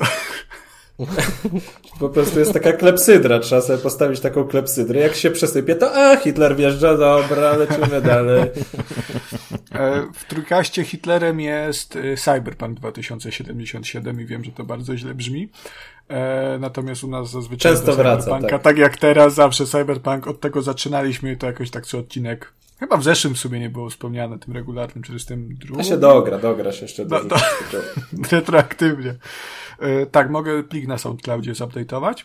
E, ale tak, Zombies Ate My Neighbors e, to jest taka typowa gra tak naprawdę z tamtej ery, czyli to jest bardzo arcade'owa, mm, nastawiona na zręcznościowość i szybką akcję, wesołą muzykę mm, gra, w której, no, jak nazwa wskazuje, sąsiedzi głównych bohaterów, tutaj jest ich dwójka, to jest chłopiec i dziewczyna. Dziewczyna nazywa się chyba Julie, tak mi się wydaje. E, tak, Julie i chłopak o bardzo cool i jazzy i trendy imieniu Zik. E, ich sąsiedzi mhm. zostali zjedzeni przez zombie, ale nie wszyscy, ponieważ cała gra polega na tym, że przechodzimy przez 55 e, wlicz- poziomów, wliczając w to poziomy bonusowe, na których naszym celem jest uratowanie tych nieszczęsnych sąsiadów, którzy mogą zostać zjedzeni przez zombie, ale nie muszą. Na każdej mapie mamy do uratowania 10. I jeżeli ktoś zostanie zjedzony, no to w kolejnych poziomach ta liczba się o tę ilość zjedzone, liczbę zjedzonych sąsiadów zmniejsza. E, urocze jest swoją drogą to, że ci sąsiedzi to są zarówno jakieś tam bobasy, nastolatki, staruszkowie, ale też na przykład wojskowi, tacy w pełnym umundurowaniu, którzy sobie kompletnie z tymi zombiakami nie radzą. Natomiast już nasi bohaterowie, zwykłe dzieciaki uzbrojeni, uzbrojone na początku w pistolety na wodę, e, jak najbardziej te zombiaki rozwalają, bo to no, jest też takie taka trochę The, The Last of Us trochę. Nie? Takie The Last of Us, no to jest dokładnie to. To jest dokładnie to. Mm, tutaj też tak na przykład jak Joel, Joel mógł używać cegły, czy jakieś tam, nie wiem, 2x4, e, no to tutaj możemy sobie jakieś talerzami rzucać, e, jeżeli je zbierzemy, widelcami, nożami, e, czego, drogie dzieci, no nie polecam robić, bo to, to można krzywdę komuś zrobić, tacie, mamie, prawda, kotu. Mm. Ale tu są właśnie, to, to, to jest taki trochę vibe Kevina samego w domu, te, to uzbrojenie jest też takie bardzo mocno improwizowane poniekąd, bo oczywiście tam, tam też mamy jakieś wyrzutnie rakiet oczywiście, ale, ale większość tych, tych broni to jest jakiś tam krucyfiks, yy, właśnie te, te widelce, talerze, puszka z kolą, czy tudzież innym gazowanym napojem.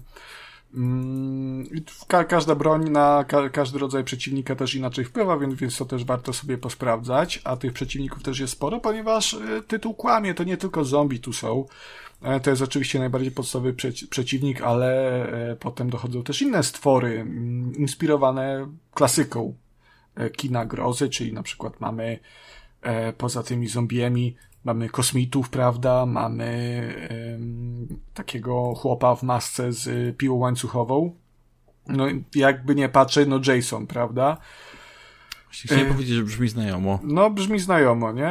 Także wilkołaki są, wampiry, no, no wszystko, wszystko to, co fani kina grozy tego klasycznego lubią najbardziej.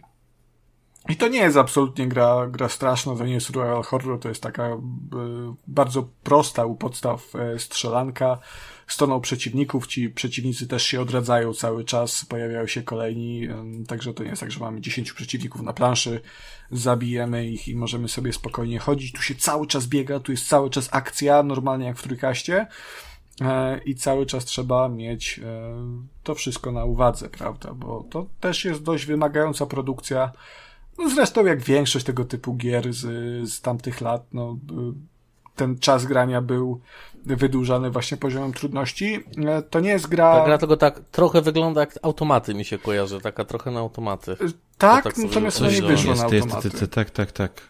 E, też mamy no, klasycznie punkty są, nie, i wszystko, ale jest bardzo ładna graficznie, tak swoją drogą. Nie jest to coś niesamowitego, ale jest ładna, ta, ta, ta graficzka jest, jest całkiem śliczna, kolorowa, te um, sprite'y, y, design postaci jest całkiem przyjemny, zresztą y, tych, tych lokacji też, bo mimo, że zombie zażarły naszych sąsiadów, to się okazuje, że na, nasze, nasze, nie wiem, sąsiedztwo, dzielnica to nie tylko tam zwykłe domki, no ale też, prawda, jakiś tam zamek średniowieczny, y, miasteczko na dzikim zachodzie, piramida z labiryntem w środku, takie klasyczne, wiadomo, wychodzicie do żabki sobie wieczorem po y, sok prawda, tudzież napój jakiś gazowany, Coca-Colę, Sprite'a, no i przechodzicie przez, normalnie przez tam piramidę, nie, no, każde polskie osiedle. Podlasie. Ja jeszcze w Rzeszowie nie byłem. Brzmi jak Podlasie. w, Rzeszowie, w Rzeszowie nie. W Rzeszowie niestety mamy tylko Wielką Cipę, natomiast no... E, ale tu wszystko wygląda jak średniowieczny zamek tak naprawdę i, i pustynia, także no to jest Podkarpacie. Mm, I, i, I cóż, no to jest, mówię, gra, gra wymagająca, na pewno trzeba być zręcznym i szybko reagować na to, co się dzieje, zmieniać te bronie, e, bo tych broni jest całkiem sporo, do tego mamy dodatkowe e, przedmioty, na przykład możemy sobie zebrać eliksiry, e, jedne na chwilę nas uczynią nieśmiertelnymi, ale odbiorą nam możliwość atakowania, a drugie z kolei przemienią nas w potężną bestię, nieśmiertelną, a przy tym zadającą bardzo mocarne obrażenia, co na przykład przydaje się e, w walce z takimi maszkarami, jak na przykład 15-metrowy mm, niemowlak, e, który po mapie chodzi, jest jednym z bossów.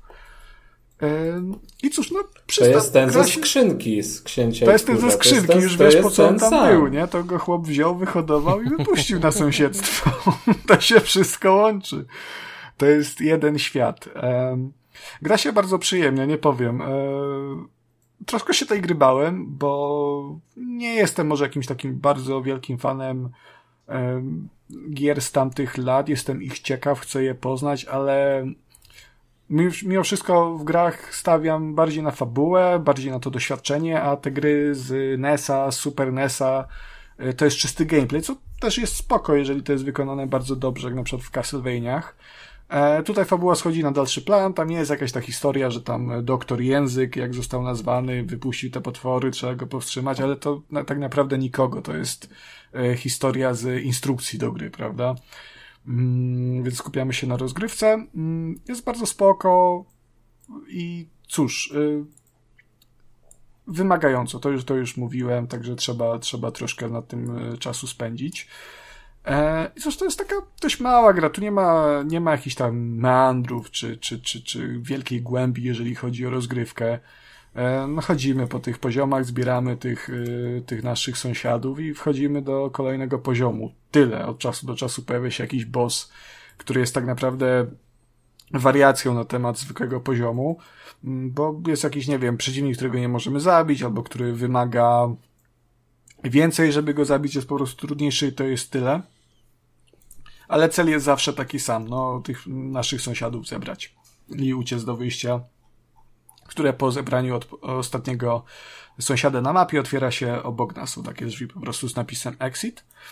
Mm, I e, cóż, to jest też gra, którą chciałem sprawdzić też z tego względu, że mimo, że ona jakoś się nie spotkała z jakimś wielkim sukcesem, chociaż no, oceny zbierała dobre. No, Game Rankings pokazuje, że średnia ocen to było 84,5%. E. IGN dał ósemkę, więc to musi być dobra gra. No ale ona została tak naprawdę po czasie, myślę, doceniona i stała się tym takim e, cult klasikiem, mm, jak, jak właśnie ta świątynia pierwotnego zła, bym powiedział, prawda?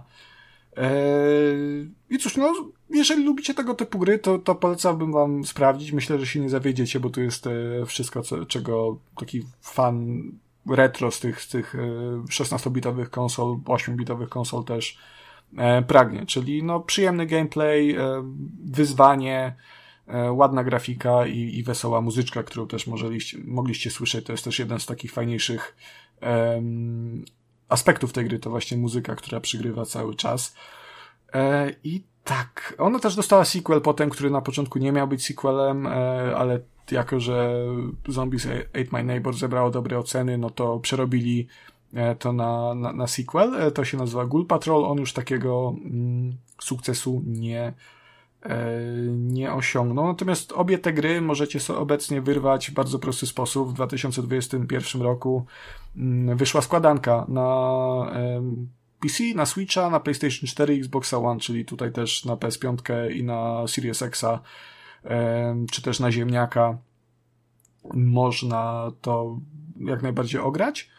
E, właśnie ja, ja tak tego doświadczałem i to też nie jest taka idealna składanka, bo na przykład te, te Castlevania, które teraz ogrywam, które też chyba w tych samych okolicach, może dwa lata wcześniej wyszły mm, na te same platformy, wypadają pod względem zawartości lepiej. E, ta składanka Zombies Ate My Neighbors i Ghoul Patrol to jest taka bardzo podstawowa emulacja, tam nawet nie ma żadnych filtrów ekranu. No nie ukrywam, że w przypadku 16-bitowych gier sprzed 30 y, lat to by się przydało, żeby troszkę rozmyć te piksele, żeby ta gra wyglądała ładniej, no bo też y, tajemnicą Poliszynela jest fakt, że y, kiedyś, kiedy dominowały ekrany CRT, twórcy projektowali gry pod względem grafiki właśnie z myślą o tym, że ten ekran, że ten obraz będzie troszkę rozmyty, nie? Więc y, na tych LCD-kach mamy żyletę, ale to wygląda paradoksalnie gorzej niż, niż na rozmytym CRT-ku. Ja, mi dużo czasu zajęło, zanim ktoś mi wytłumaczył, dlaczego tak jest, bo zawsze się zastanawiałem, kurde, na, na, na starym telewizorze ta gra nie wyglądała tak tragicznie, a, a kurde, na tych nowych e, ekranach to wszystko wygląda tak paskudnie. I to jest kurde kwestia tylko rozmycia tak naprawdę. Tak, ale... tak, tak. Ja, ja to musiałem zobaczyć to tak naprawdę. Na Twitterze jest chyba e, profil, nie wiem, czy, nie wiem jak to się nazywa, jakieś pewnie 8-bit beauty czy coś takiego. I tam właśnie publikują różne sprite z gier e, przed e, zastosowaniem tego przeplotu i po zastosowaniu przeplotu. I to jest po prostu niebo a ziemia. To nagle zyskuje y, dodatkowe kolory, jakieś dodatkowe e, no, szczegóły po prostu, nie? Na przykład zamiast tak, pięciu znaczy, pikseli... Wszystko, wszystko hmm? wydaje się dużo ostrzejsze, mimo tego, że jest rozmyte. Tak, tak, tak, tak. E, w Soniku było w ogóle tak, że y, i tutaj też jest, też jest podobnie w Zombies Ate My Neighbor, że jak jest na przykład jakaś woda płynąca, to ona by, jeżeli grasz na LCD-ku bez żadnego rozmycia, to to wygląda troszkę jak szachownica, a nagle jak dodasz przeplot, to tam ta to wygląda nagle jak woda i to jest przepiękne.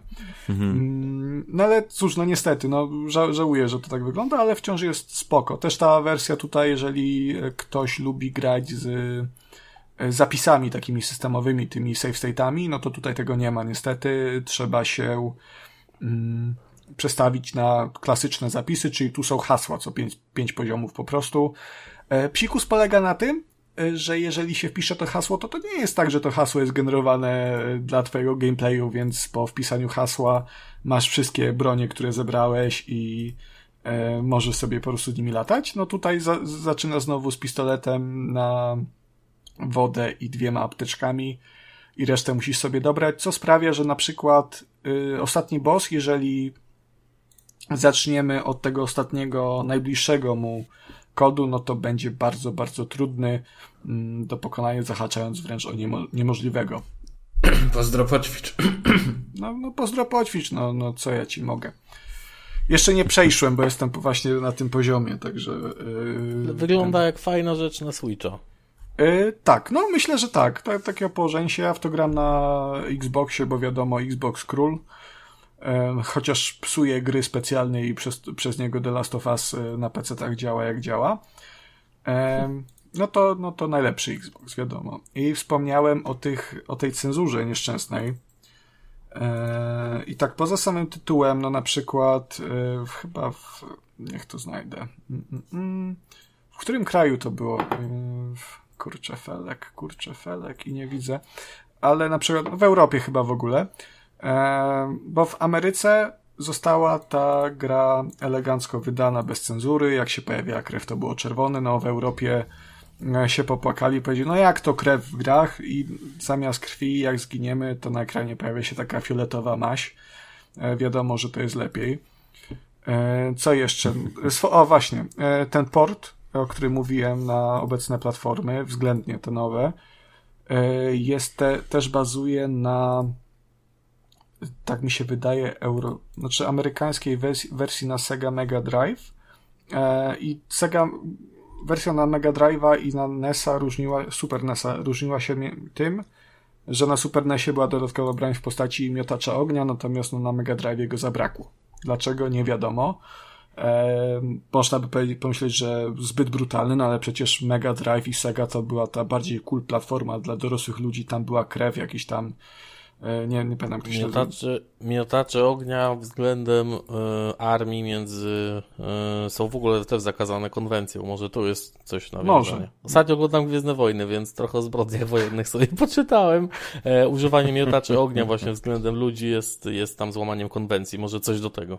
No ale nie używasz tego względem ludzi, nie? Tylko pod forum. No ale to wiesz, to... A to żeby wiesz, nie no podpowiadać. Meandry cenzury, nie? To... I... Przede wszystkim, no, nie warto o tym rozmawiać, bo ci cenzorzy wtedy to, ja nie wiem, co oni myśleli i tu mówiłem, że ta cenzura była na samym początku, że ta cenzura była e, bardzo specyficzna i moim ulubionym przykładem jest to, że w Europie cenzorzy stwierdzili, że e, ta postać Jasona z piłą mechaniczną, no to nie przejdzie. To jest zbyt brutalne, to jest w ogóle y, jakaś perwersja i, i kto to widział. Y, I stwierdzili, że dużo lepszą alternatywą zamiast tej, tego y, bohatera, tego przeciwnika będzie nie Jason z piłą mechaniczną, a drwal z siekierą. Hmm. Nie wiem, czy to jest lepsze, czy to jest mniej brutalne. Że manualnie, a nie automatyczną? Nie wiem. Ale siek siekiera na pewno jest skuteczniejsza. Myślisz? Okej. Okay. E, ja wierzę. Znaczy, nie, że mam w tym jakieś doświadczenie, natomiast yy, kolega mi mówił. łańcuchowa e, działa w taki sposób, że jeżeli byśmy ją próbowali właśnie w jakąś miękką tkankę wbić, to ona się bardzo szybko zatnie i zablokuje, więc Oj, coś ci nie wierzę. Nie, Kamil, na pewno to tak nie działa. Nie, no tak, nie. przecież nawet się na tym, na drewnie potrafi zaciąć, jak źle użyjesz. To Oj, może nie. Przez siekierą. To może no. o to chodziło, może chodziło nie o cenzurę, tylko o wprowadzenie realizmu. Ktoś tam w tej ekipie cenzorskiej stwierdził, nie no kurwa, panowie, panowie z LucasArtsu, wiecie, drwal, się drwal się lepiej kojarzy, nie? Wiecie, po prostu drwal. No, Zwłaszcza taki siekierą. Znaczy, drwale, no. drwale też korzystają z pił łańcuchowych chyba, nie? No. Tak, tak. A miał taką koszulę drwala w kratę? Yy, zakładam, że tak. Nie wiem, jak to wygląda. Czekaj, właśnie, mam, właśnie mam taką na sobie, czerwoną taką, tak. No. tak, tak I brodę masz, Kuba, ja brodę masz. Hipsterską, tak. Ja, ja muszę w końcu sobie kupić taką koszulę, bo już od roku czy dwóch poluję, żeby wreszcie się zdecydować kupić i nie mogę się a to dwie dyszki da, się, dajesz i trochę, trochę sprana już. Siekierę kupi, kupiłem dwa tygodnie temu. Siekierę. Czyli już po testach jesteś teoretycznie, tak? Czyli już mniej więcej wiesz, że, że, że siekiera jest skuteczniejsza. Znaczy, o, o skuteczności siekiery to się kiedyś przekonałem, jak e, biwakowałem ze znajomymi i kumpel próbował Już nie mam znajomych. E, pokroić. nie, Kumpel miał po prostu to nieszczęście, że yy, wbił sobie siekierę w piszczel. Hmm. Bo nie trafił w gałąź. I jak się zachowała na tkance mię miękkiej? Wiesz co, przeszła jak siekiera przez mięśnie. Kankę miękką, tak? Y, sprawdziłem, jak ten drwal wygląda w y, europejskiej wersji. Z tego, co widzę, to wygląda absolutnie tak samo, czyli to jest Jason w masce, tylko ma siekierę zamiast piły mechanicznej. Wow. Dobra mm. zmiana, to jest bardzo dobra zmiana. Także, no, no to myślę, że tyle, jeżeli chodzi o Zombies at My Neighbors. Y, nie ma się zbytnio co rozwodzić. Bardzo przyjemna gierka. Jeżeli chcecie sprawdzić takie retro wyzwanie sobie zrobić, to myślę, że jak najbardziej warto sprawdzić. Czemu nie? Zwłaszcza, że jest teraz dostępny w tej paczuszce. A ona chyba tam jakieś, nie wiem, ona jest troszkę droga, bo jakieś chyba 9 dyszek to kosztowało, także... Chyba na Steamie za 5 dych jest. O. Właśnie widziałem na Steamie chyba za 5 dych i wydawało mi się, że na Xboxa było za 57 bodajże. Właśnie tak się zastanawiam, czy na Steamie to nie będzie fajniejsze. Eee... Ładnie wygląda, bardzo ładny ma taki trailer, tak w sumie jakby, nie wiem, miał emeryturę i mnóstwo czasu, to może nawet odpalił.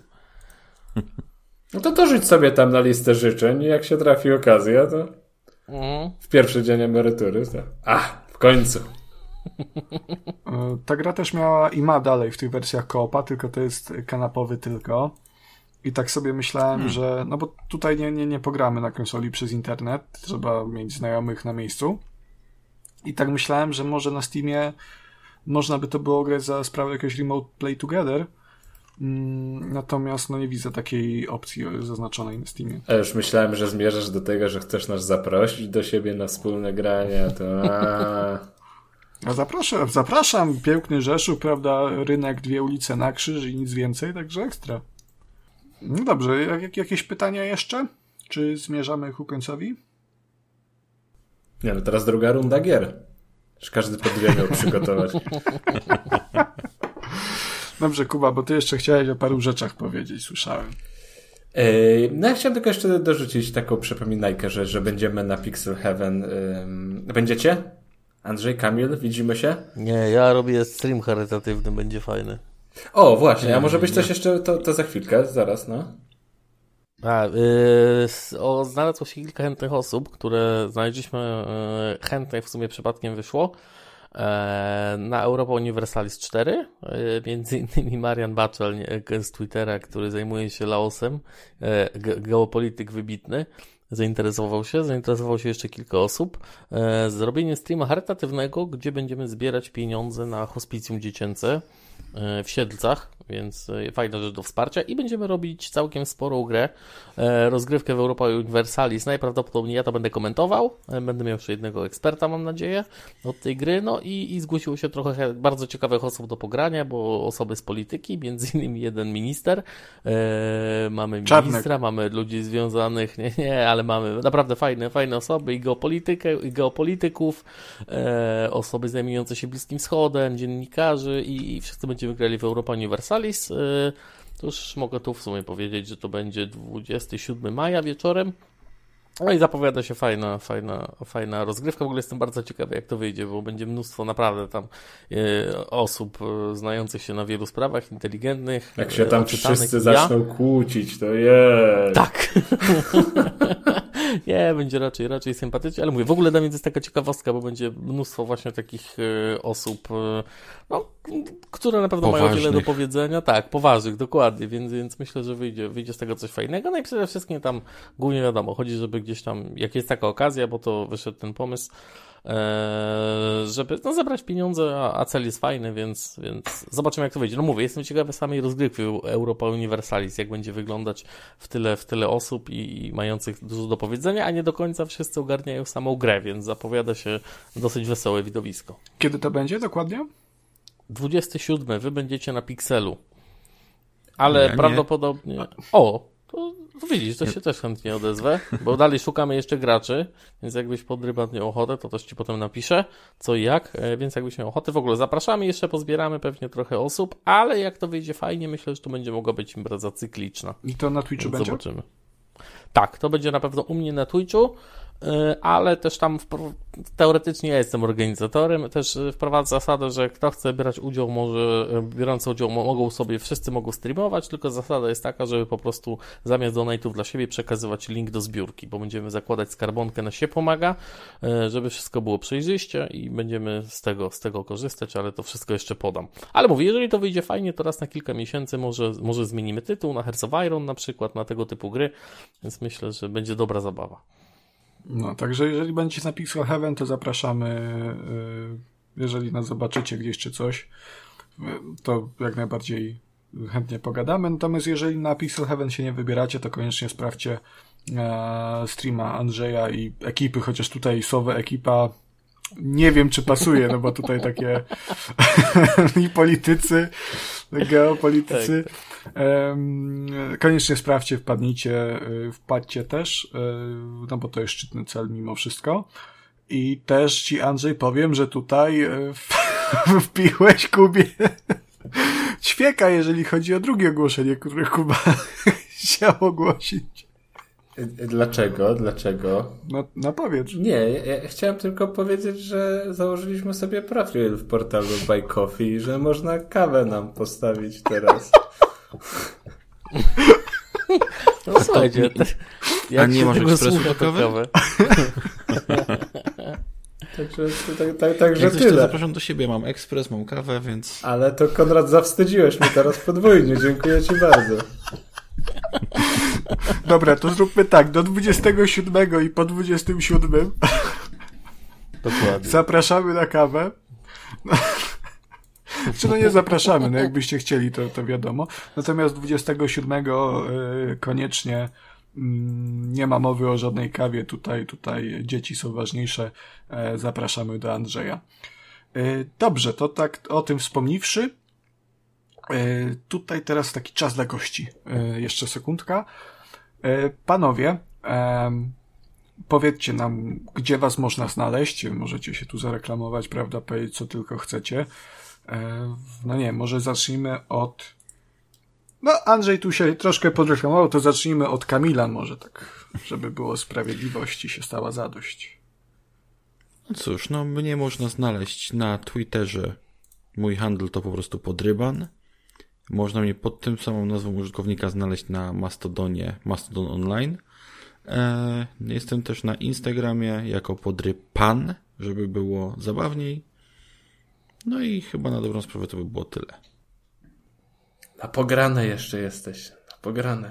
No tak, prawda. Ale cię Artur jeszcze... cię teraz tak, no tyle, Aj, to jest koniec swojej kariery. Późna godzina to dlatego. I rzeczywiście jeszcze piszę dla e, wspaniałego bloga e, o grach i tematach około giereczkowych pograne.eu. Zapraszam, polecam. Piotr Frączewski. E,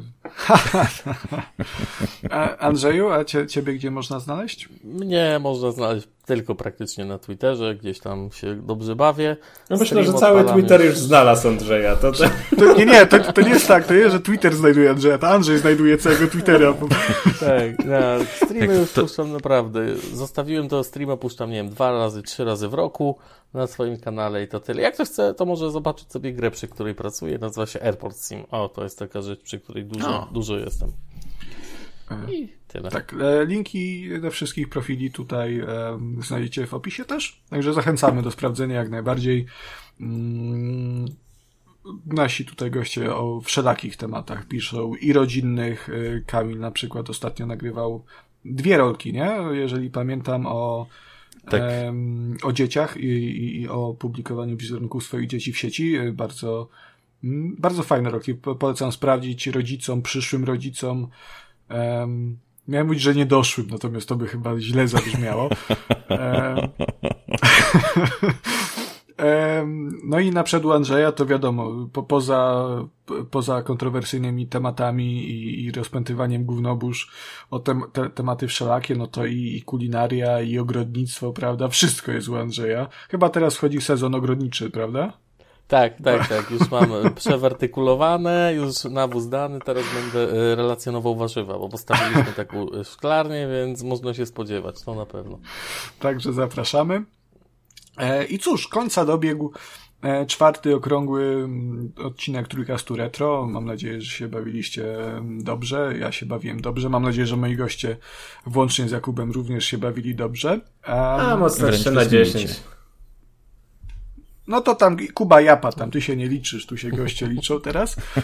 E, I oczywiście zachęcamy was, jeżeli macie jakieś doświadczenia, wspomnienia z grami, o, którymi, e, o których mówiliśmy, albo z tymi grami, które są po prostu stare, a o których chcielibyście e, porozmawiać, podzielić się swoimi wspomnieniami, tak najbardziej możecie nam e, napisać, czy to na Twitterze, czy to na Instagramie, który Kuba bardzo dzielnie i bardzo dobrze e, prowadzi. Mamy teraz Road to 100 z 200. E, na sp- odkąd, odkąd przyjąłem Twitter z naszego Instagrama, to straciłem jakieś 20 followersów, także idzie mi wyśmienić. E, I na Spotify'u też można pisać komentarze, także na YouTubie, wszędzie, gdziekolwiek chcecie, maile można nawet pisać, też linki w opisie. E, także cóż, e, dziękuję Wam, drodzy słuchacze, dziękuję przede wszystkim moim gościom. E, tu jeszcze raz powtarzam, Kamil Podryban i Andrzej Śledź. Mm, Kubie też, dobra, Kubie też podziękuję, dziękuję Kuba. E, I cóż, no, dziękuję za uwagę. Do następnego. Cześć! Pa! Cześć. Cześć. Cześć, dzięki. A wy? Co sądzicie o grach i tematach poruszanych w odcinku? Koniecznie dajcie nam znać w komentarzach, na Twitterze lub poprzez adres e-mail. Wszystkie linki znajdziecie w opisie. Pozdrawiamy. Ara, ara, sayonara!